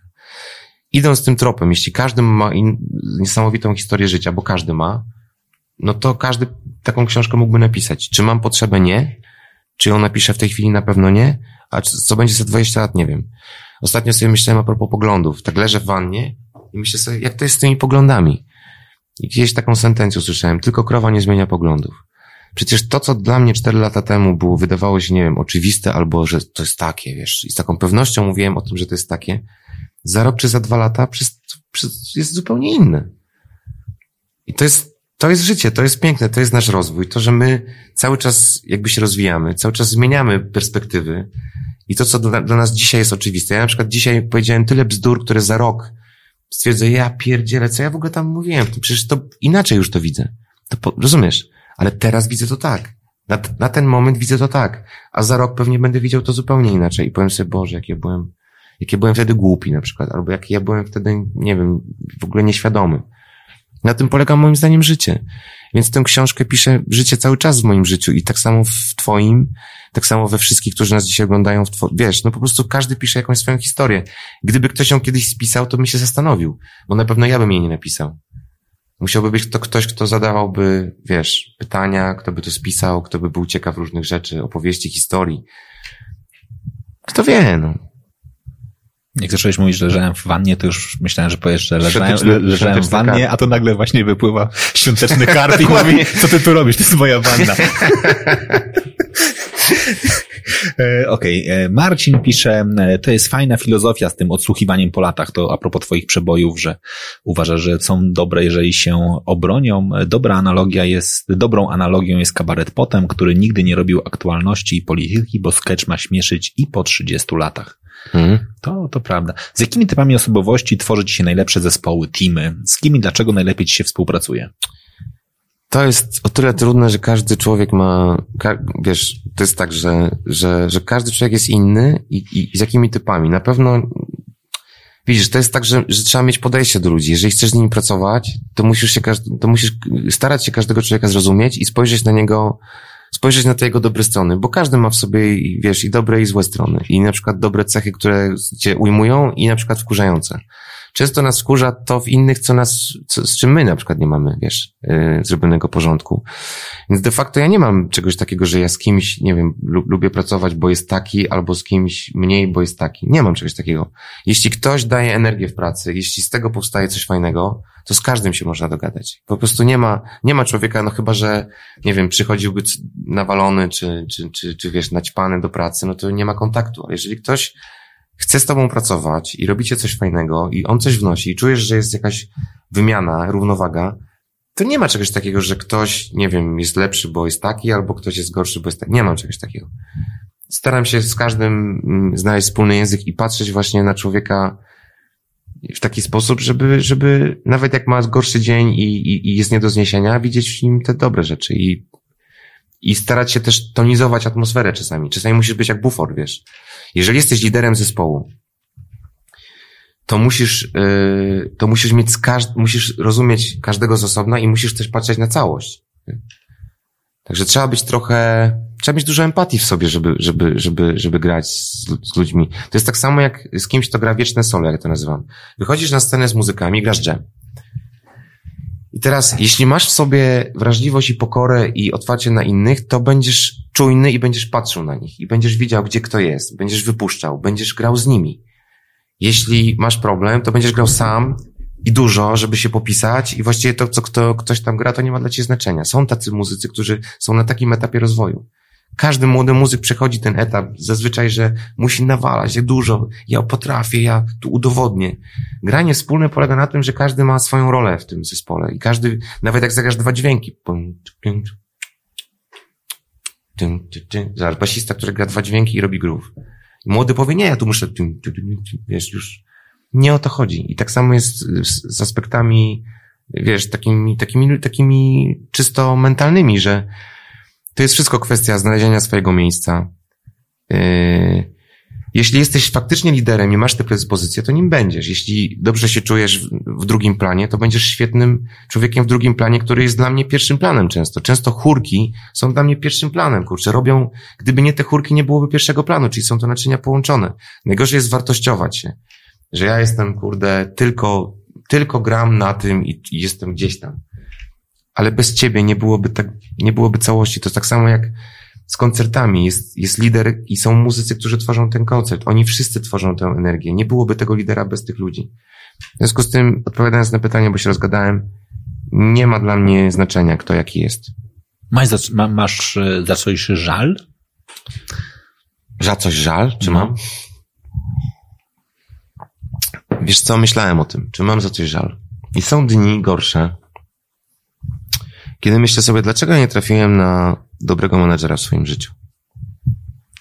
Często odpowiadam sobie na to pytanie i nie potrafię znaleźć do końca odpowiedzi, ale wydaje mi się, że dużo piłeczka też jest po mojej stronie. że z jakichś powodów, bo każdy mi mówi tak, słuchaj, masz taki talent i w ogóle tak świetnie na żywo śpiewasz i w ogóle, kurde, masz, masz wszelkie dane ku temu, żeby osiągać sukces. Okej, okay, być może tak jest, ale artysta bez tej drugiej strony, bez kogoś, kto będzie go sprzedawał, będzie mu, będzie takim, takim odbiciem w tym, w tym drugim świecie, w tym świecie, no bo wiesz, prawda jest taka, że artysta to jest też produkt dzisiaj. I bez dobrego menadżera jest ciężko zaistnieć. I, i, i dlaczego ty ten? Ja mówię, no wiesz, no nie, nie składało się, trafiałem na jakichś ludzi. Mógłbym też napisać książkę na przykład o, o tym, jakie mnie historie spotykały. Ale dzisiaj jak na to patrzę właśnie i tak się zastanawiam czasami, czy ja mam mieć żal do, do tej sytuacji. A co by było, gdybym nie wiem, pięć lat temu czy dziesięć lat temu osiągnął jakiś sukces, może, może bym tego, może bym tego nie zniósł, może bym źle skończył, może bym się zaćpał na przykład, może nie byłem na to gotowy, może nigdy nie osiągnę, no, nie wiem, ludzie, ludzie mówią, bo co to jest sukces tak naprawdę? Dla mnie sukcesem jest to, że mogę żyć z tego, co kocham. I to jest dla mnie największy sukces po prostu. Oczywiście, sukcesem jest e, przede wszystkim, tak, rodzina, najbliżsi to ludzie, ale sukcesem zawodowym to jest to, że ty możesz żyć z tego, co, co kochasz robić. To jest największy sukces. Więc jeśli mówimy o żalu, to czasami się nad tym zastanawiam, a z drugiej strony tłumaczę sobie to tak. Widocznie nie, nie złożyło się. Widocznie nie miało tak być. Widocznie miało być tak. I tyle, no. Wiesz... Yy, Ale szukasz menedżera? To myślę, że jest taka jedyna rzecz. Wiesz, w mojej branży to jest tak, co dam ogłoszenie do gazety? Szukam menedżera. Nie wiem po prostu albo się ta osoba pojawi i, i, i ro, robię ku temu jakieś tam ruchy, wiesz, czy nie. Pracuję z ludźmi, mam agenta, mam osoby, które mi pomagają, są kochane, są cudowne, ale jeżeli mówimy o tym, co było wcześniej, jak ktoś mnie pyta, dlaczego 10 czy 15 lat temu, czy 5 lat temu nie zrobiłeś tego, to by, były fazy w moim życiu, kiedy brakowało mi takiej osoby po prostu. Rozumiesz? Brakowało mhm. mi kogoś, kto by powiedział, słuchaj, ja chcę, żebyś zrobił to, bo to jest świetne, zobacz, popatrz na to. Kogoś, kto z innej perspektywy powiedział mi, a ja mam pomysł na to, jak to sprzedać. Takiej osoby nie było, wiesz. Teraz mam ludzi wokół siebie, którzy mi pomagają, są moimi agentami, tam jest fajnie i, i, i to już trwa jakiś czas i, i, ale też jest tak, że po prostu jak nie było takich osób yy, wokół mnie, ja mówię teraz o przestrzeni lat, wiesz, no to też sam to jakby ludzie też jakoś się kontaktowali ze mną pocztą pantoflową, jak gdzieś zagrałem, ktoś powiedział, słuchaj, weźcie jego, bo on fajnie w ogóle. I jakoś cały czas na to życie się składało, że były gorsze, lepsze momenty, ale cały czas mogłem się z tego utrzymać. Nawet jeżeli było bardzo źle w, w pewnych momentach już finansowo, że trzeba było się zapożyczyć, ale zawsze było potem z czego oddać, także. Ty wystąpiłeś w jakichś programach, e, nazwijmy to celebryckich, typu, nie wiem, zatańczyłeś z gwiazdami nie. na lodzie? Nie, e... nie. Ale wystąpiłem w jednym programie e, Twoja twarz twarz znajoma, mhm. tak. Dlaczego? Odpowiem. Dlatego, że ten program polega na śpiewaniu też, mhm. czyli na tym, co robię, no bo tańczyć na wodzie nie umiem, na lodzie to mi się, znając życie, połamał, a, a, a śpiewając, yy, no tak, bardzo ciekawe doświadczenie. I też w tym programie, tym, sobie paradoksalnie ten program mnie bardzo otworzył. Bo to jest trudne. Musisz się nauczyć szybko piosenki, ale wychodzisz tam, masz jedno wykonanie. To nie jest mhm. tak, jak ludzie sobie myślą, że tam nagrywacie coś. Tam masz jedno, jedno wykonanie, zakładasz na siebie różne rzeczy. Team był genialny, który robił ci charakteryzację, świetni ludzie. Pocisz się w tym, masz, masz trudne warunki, masz jakąś szczękę założoną. Wychodzisz tam, musisz raz to zrobić, i to zostaje, ludzie to zobaczą, wiesz, ocenią cię, zhejtują, powiedzą, a, co w ogóle do, do bani, albo... I to mnie otworzyło, bo miałem tak różne postaci, ale też jak dostałem Johnsona z ACDC mhm. i Thunderstruck, to pomyślałem, kuźwa, jak ten gość to robi? Jak on robi ten falset z chrypą? I tak się spróbowałem na korytarzu, wiesz? I mówię, coś tu gdzieś ten. I poszedłem do, do Agi Hacker, która nas przygotowała, mówię, Aga, czy to ma coś w tą stronę? Bo tak słyszę, że to mówi, stary, tak, pracujemy nad tym. Ja, jak to stałem, to myślałem sobie, że w ogóle tego nie uciągnę, że będę jakąś totalnym dnem. Jakoś to uciągnąłem. Paradoksalnie wygrałem ten odcinek i pomogłem komuś dzięki temu. Miałem dwie osoby, którym pomogłem, bo dwa razy mi się udało wygrać ten, te odcinki. I mogłem wskazać osobę, której pomagam i to było piękne. W związku z tym uważam, że ten program po pierwsze pomogłem dwóm osobom konkretnym, a po drugie bardzo dużo się nauczyłem, naprawdę. W przeciągu pół roku nauczyłem się bardzo dużo, bo rozwinęło mnie to po prostu w jakąś stronę. Mogę teraz z tego czerpać. Na przykład yy, otwarcie znowu na, na kamerę, na ludzi. Wiesz, jak jesteś długo w ofie, grasz jakieś koncerty, ten, ale nie macie w mediach, to musisz się przez chwilę oswoić znowu z kamerami, z błyskiem tych fleszy, które na ciebie... Wiesz, dawaj tutaj, wiesz, to nie jest jakby to, to stało się, w tym, tym programie miałeś tego dużo i stało się to naturalnym środowiskiem. To bardzo dobrze dla mnie akurat, tak uważam. Kasia komentuje, pokażcie mi człowieka o większej pokorze i pasji. No nie ma. Tak. Nie, nie zgodzę się. Jest mnóstwo ludzi o większej pokorze i pasji, ale bardzo dziękuję. Okej. Okay. Eee, to, to, to, to, to. Czasem jak chcę zawstydzić młodsze pokolenie, szczególnie znawców muzyki na imprezie domowej, to puszczam Opole z Krzysztofem Maszkowiakiem i pytam, czy wiesz, kto to. Jak widzę, że nie wie, to mówię mu w dupie byłeś, gówno widziałeś, siadaj i oglądaj. U, umiliłeś mi moje szare dzieciństwo, Krzysztofie. E, pozostałeś w moim sercu tylko e, jako jedno z najmilszych wspomnień młodości. O, widziałeś? Dzięki. Czyli są jeszcze ludzie, którzy pamiętają. Niestety nie będę w stanie już poczekać na odpowiedź, ale i tak e, szybko. Oczywiście, nie, nie, że każdy ma swoje wyjątkowe przygody i doznania, tylko moja książka nie byłaby tak ciekawa. Pan sprawia wrażenie osoby niezwykle autentycznej, która naprawdę ma coś do powiedzenia i nie musi wymyślać i koloryzować swojego życiorysu. No nic, pozostaje liczyć, że przypadkowe spotkanie gdzieś w podróży będę ciepło panu myślał. Dziękuję. To jest to pytanie Dziękuję. też chyba o książkę. No dobra, i mamy jeszcze drugie miejsce z dużą ilością pytań. Jej jejku, jejku, jejku, jejku, to już było. E, czy są planowane jakieś koncerty w najbliższym czasie? No są, ale to są zamknięte, zamknięte imprezy niestety, dlatego że po pierwsze jest pandemia, mhm. znaczy to jest grubszy temat. Po pierwsze jest y, jeszcze ograniczenie. Y, a jak wydam płytę, to na pewno tak. I to wtedy będę już informował na Facebooku, będzie, na pewno będą informacje na ten temat. Głównie teraz gram grałem dotychczas, albo imprezy zamknięte. Yy, zdarzało mi się grać w klubach też za biletami, a teraz będę grał, yy, no teraz będę grał zamknięte imprezy przez najbliższy czas. Dlaczego nie grasz online? Grałem. Grałem online yy, cztery dni temu, czy pięć. Świetne w ogóle przeżycie, to znaczy tak. Świetne. Okazało się, że było fajne, jakby, ale samo doświadczenie pierwsze było takie dziwne, że kończysz utwór i zawsze jesteś, musiałem sobie wyobrażać ludzi, którzy są gdzieś tam po drugiej stronie. I widziałem tak, jakieś takie, takie domy, gdzie kot gdzieś przebiega pies, dzieci biegają, gdzieś ktoś, ktoś ma komputer, ktoś sobie pije wino, ktoś tam krząta się, ktoś, i gdzieś tam są ci ludzie, wiem o tym, ale w różnych sytuacjach. Był ten koncert chyba 4 czy 5 dni temu zagrałem koncert online.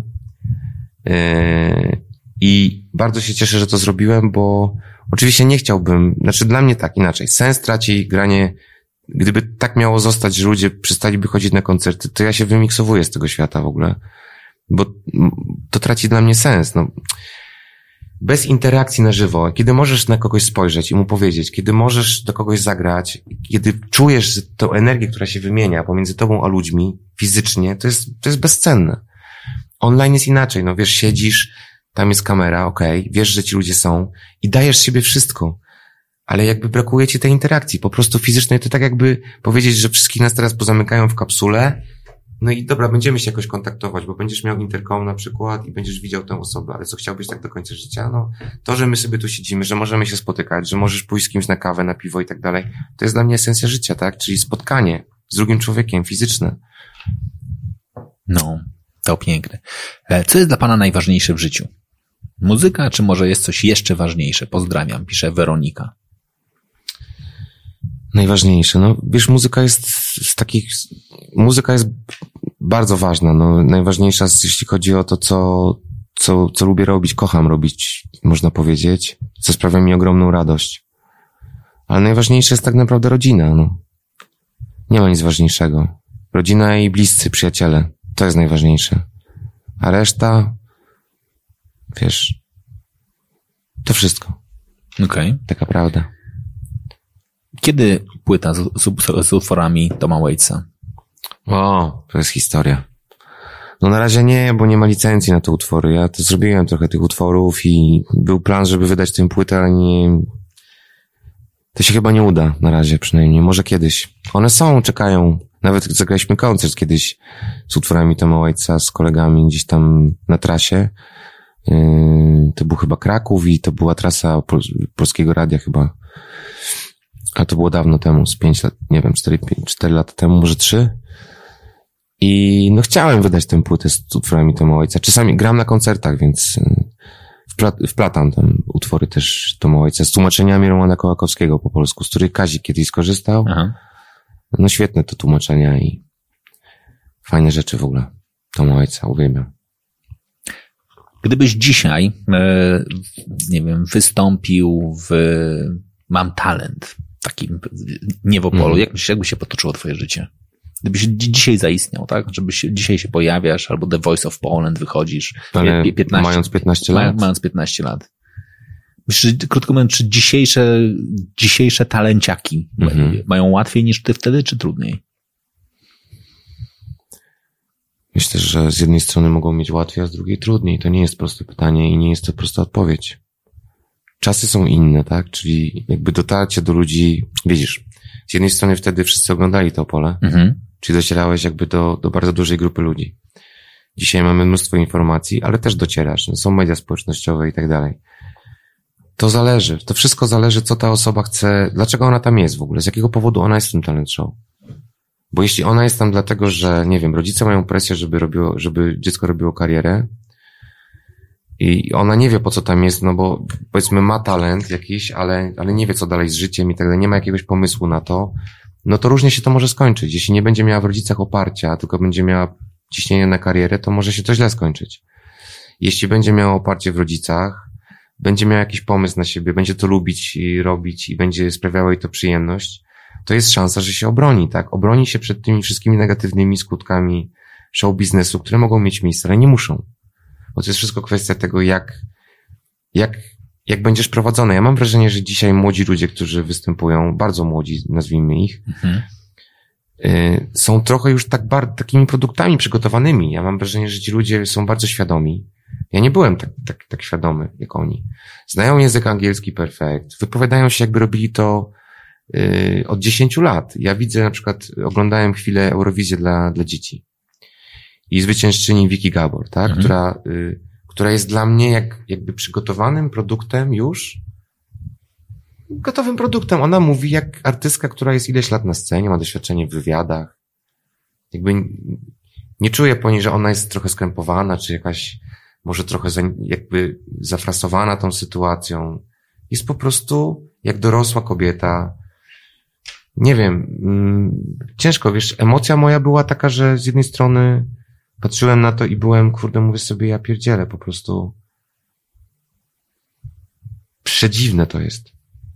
Ciężko mi nawet to określić, rozumiesz? Czy to jest dobre, złe? Jest przedziwne, to jest, dla mnie to jest nie do pomyślenia, bo dziecko kiedyś, jak ja miałem 14 czy 15 lat, to ja byłem chłopczyk po prostu, ja byłem mhm. dzieciak. I ja miałem emocje dzieciaka. To prawda. Jeżeli ja nie czuję w dziecku emocji dziecka, bo ma taki makijaż, bo nie wiem, bo wygląda już tak nie jak dziecko, tak jest bardzo mocno umalowana, tak? Ta osoba. Ja nie mówię teraz o Wiki Gabor, mhm. ja mówię o, o osobach, które występują w tych, w tych młodych, no to często to ja nie wiem, kurczę, czy to jest taka szczera i naturalna dziecięca emocja, czy to jest tak już wystudiowane i przygotowane, aż przerażająco przygotowane. No ale takie mamy czasy, tak? Ja z tym nie dyskutuję, ja nie mówię, czy to jest dobre, czy złe. Ja ci mówię, że ja to nie do końca odbieram jakoś, nie potrafię tego ogarnąć po prostu. Że to jest nie wiem. Dlatego ciężko mi powiedzieć, y, nie oceniam tego w ogóle. Po prostu trochę mnie to przeraża, bo kiedyś dziecko to było dziecko, no.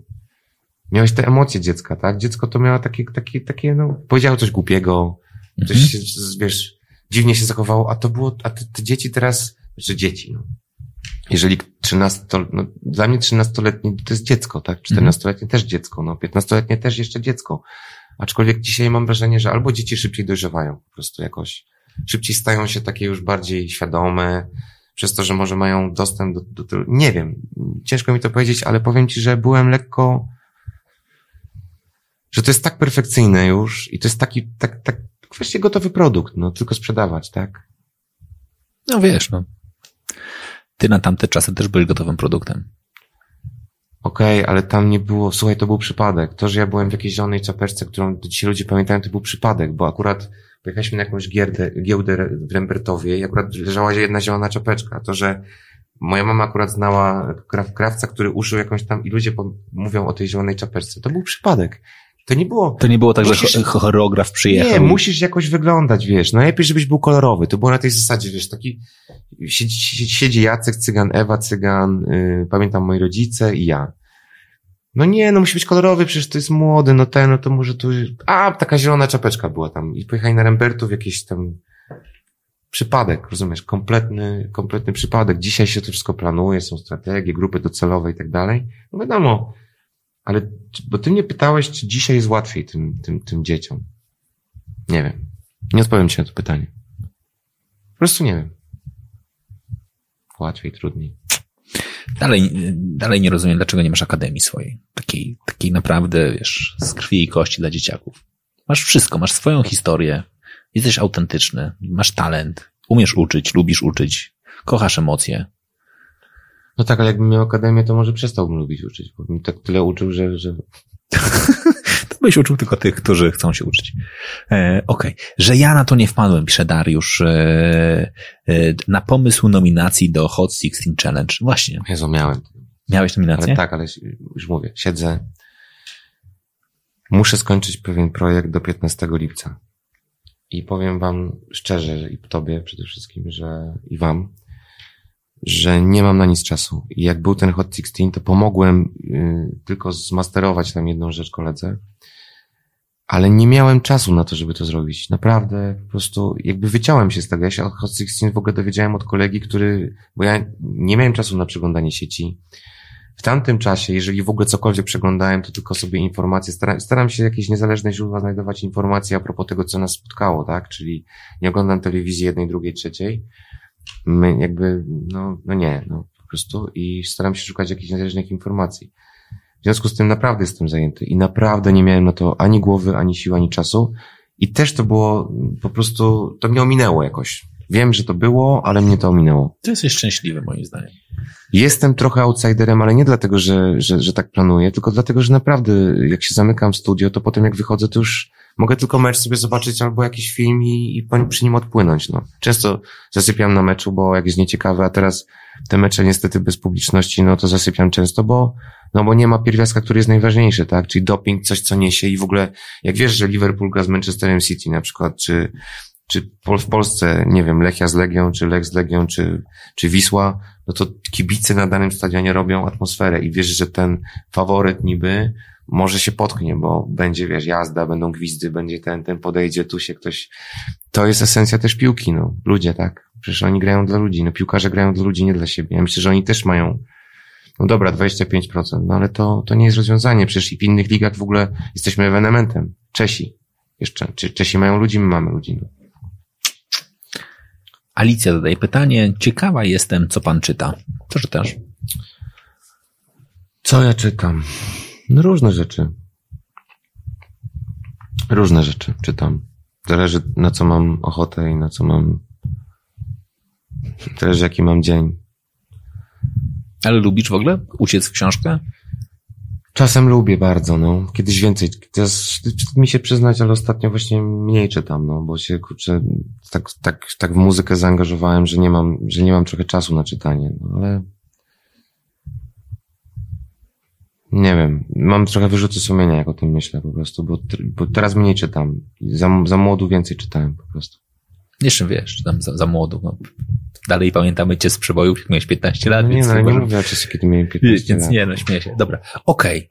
Okay. Nie, czytam dużo też, znaczy inaczej. Czytam rzeczy, które mnie interesują w danym momencie, na które trafiam. Czasami trafię na jakąś książkę, która mnie bardzo zaciekawi, czasami Czasami przeczytam pół książki i nie jestem w stanie jej doczytać na przykład, bo, bo nie wiem, bo jestem już za bardzo zmęczony. To zależy. Zależy co mnie, ale jestem otwarty na, lubię też poezję czasami czytać, tak? Czasami trafić na jakiś tekst, który mnie zainspiruje, nie wiem, no. To, to, to, to bardzo różnie bywa. Ostatnio dostałem książkę o tym, mm, ciekawą książkę taką biznesową. Ona miała tytuł, mm, to ostatnia książka, którą czytałem trzy czwarte i jakoś nie, nie, nie przebrnąłem do końca. Chyba ojciec, który dał ci pieniądze, albo jak ojciec, który generalnie o człowieku, który osiągnął wielki sukces w biznesie. Ponoć książka dla biznesmenów jedna z fundamentalnych. Ty powinieneś chyba znać tę książkę. Boże, tylko nie mów mi, że bogaty ojciec, biedny ojciec. Bogaty ojciec, biedny. Tak, bogaty ojciec, biedny Czy ojciec. bogaty ojciec, biedny Kioszaki. Tak, Robert. tak. Boże święty. To dobrze, że nie do- doczytałeś do końca. No nie doczytałem. Uf, na szczęście. Nie mogłem przebrnąć przez tą książkę. Uf, A ponoć miała mnie otworzyć na dywersyfikację, wiesz. I dochód pasywny. Tak. Mhm. Tak, to facet, który zarobił wszystkie swoje pieniądze na pisaniu książek. Ale nie, nie doczytałem jej, nie mogłem, ale dostałem taką rekomendację. Powinieneś ją przeczytać, bo może ci to otworzyć web. Dobrze, wychodząc na, na taką bibliotekę, to, to, się, to się znajdzie kilka lepszych książek, jeśli chodzi o, otw- o, o, o otworzenie głowy. Jeżeli masz jakąś taką potrzebę, a jeżeli nie masz jej potrzeby, to sobie po prostu miniemy ją szerokim łukiem i w ogóle nie będzie, e, nie będzie. Co przed tobą? Co przede mną? Mhm. Mm, słuchajcie, no może to brz- zabrzmi dziwnie, ale ja staram się nie planować w ogóle nic. Cieszę się, że żyję tu i teraz, dzisiaj, że jestem, że jestem zdrowy, że rozmawiam z tobą. I tyle. Co przede mną? No niby mam zagrać koncerty, no niby jutro ma być dzień, niby ma być ładna pogoda. Zobaczymy. Nie wybiegam za daleko w przyszłość po prostu. Co, czym innym są marzenia, które masz, czym innym jest to, co chciałbyś, żeby się stało, a czym innym jest, co, co sobie tak pomyślisz, co przed tobą. Ja bym chciał, żeby coś było przede mną i nawet wiem, co to miałoby być, ale czy to się wydarzy, to zobaczymy.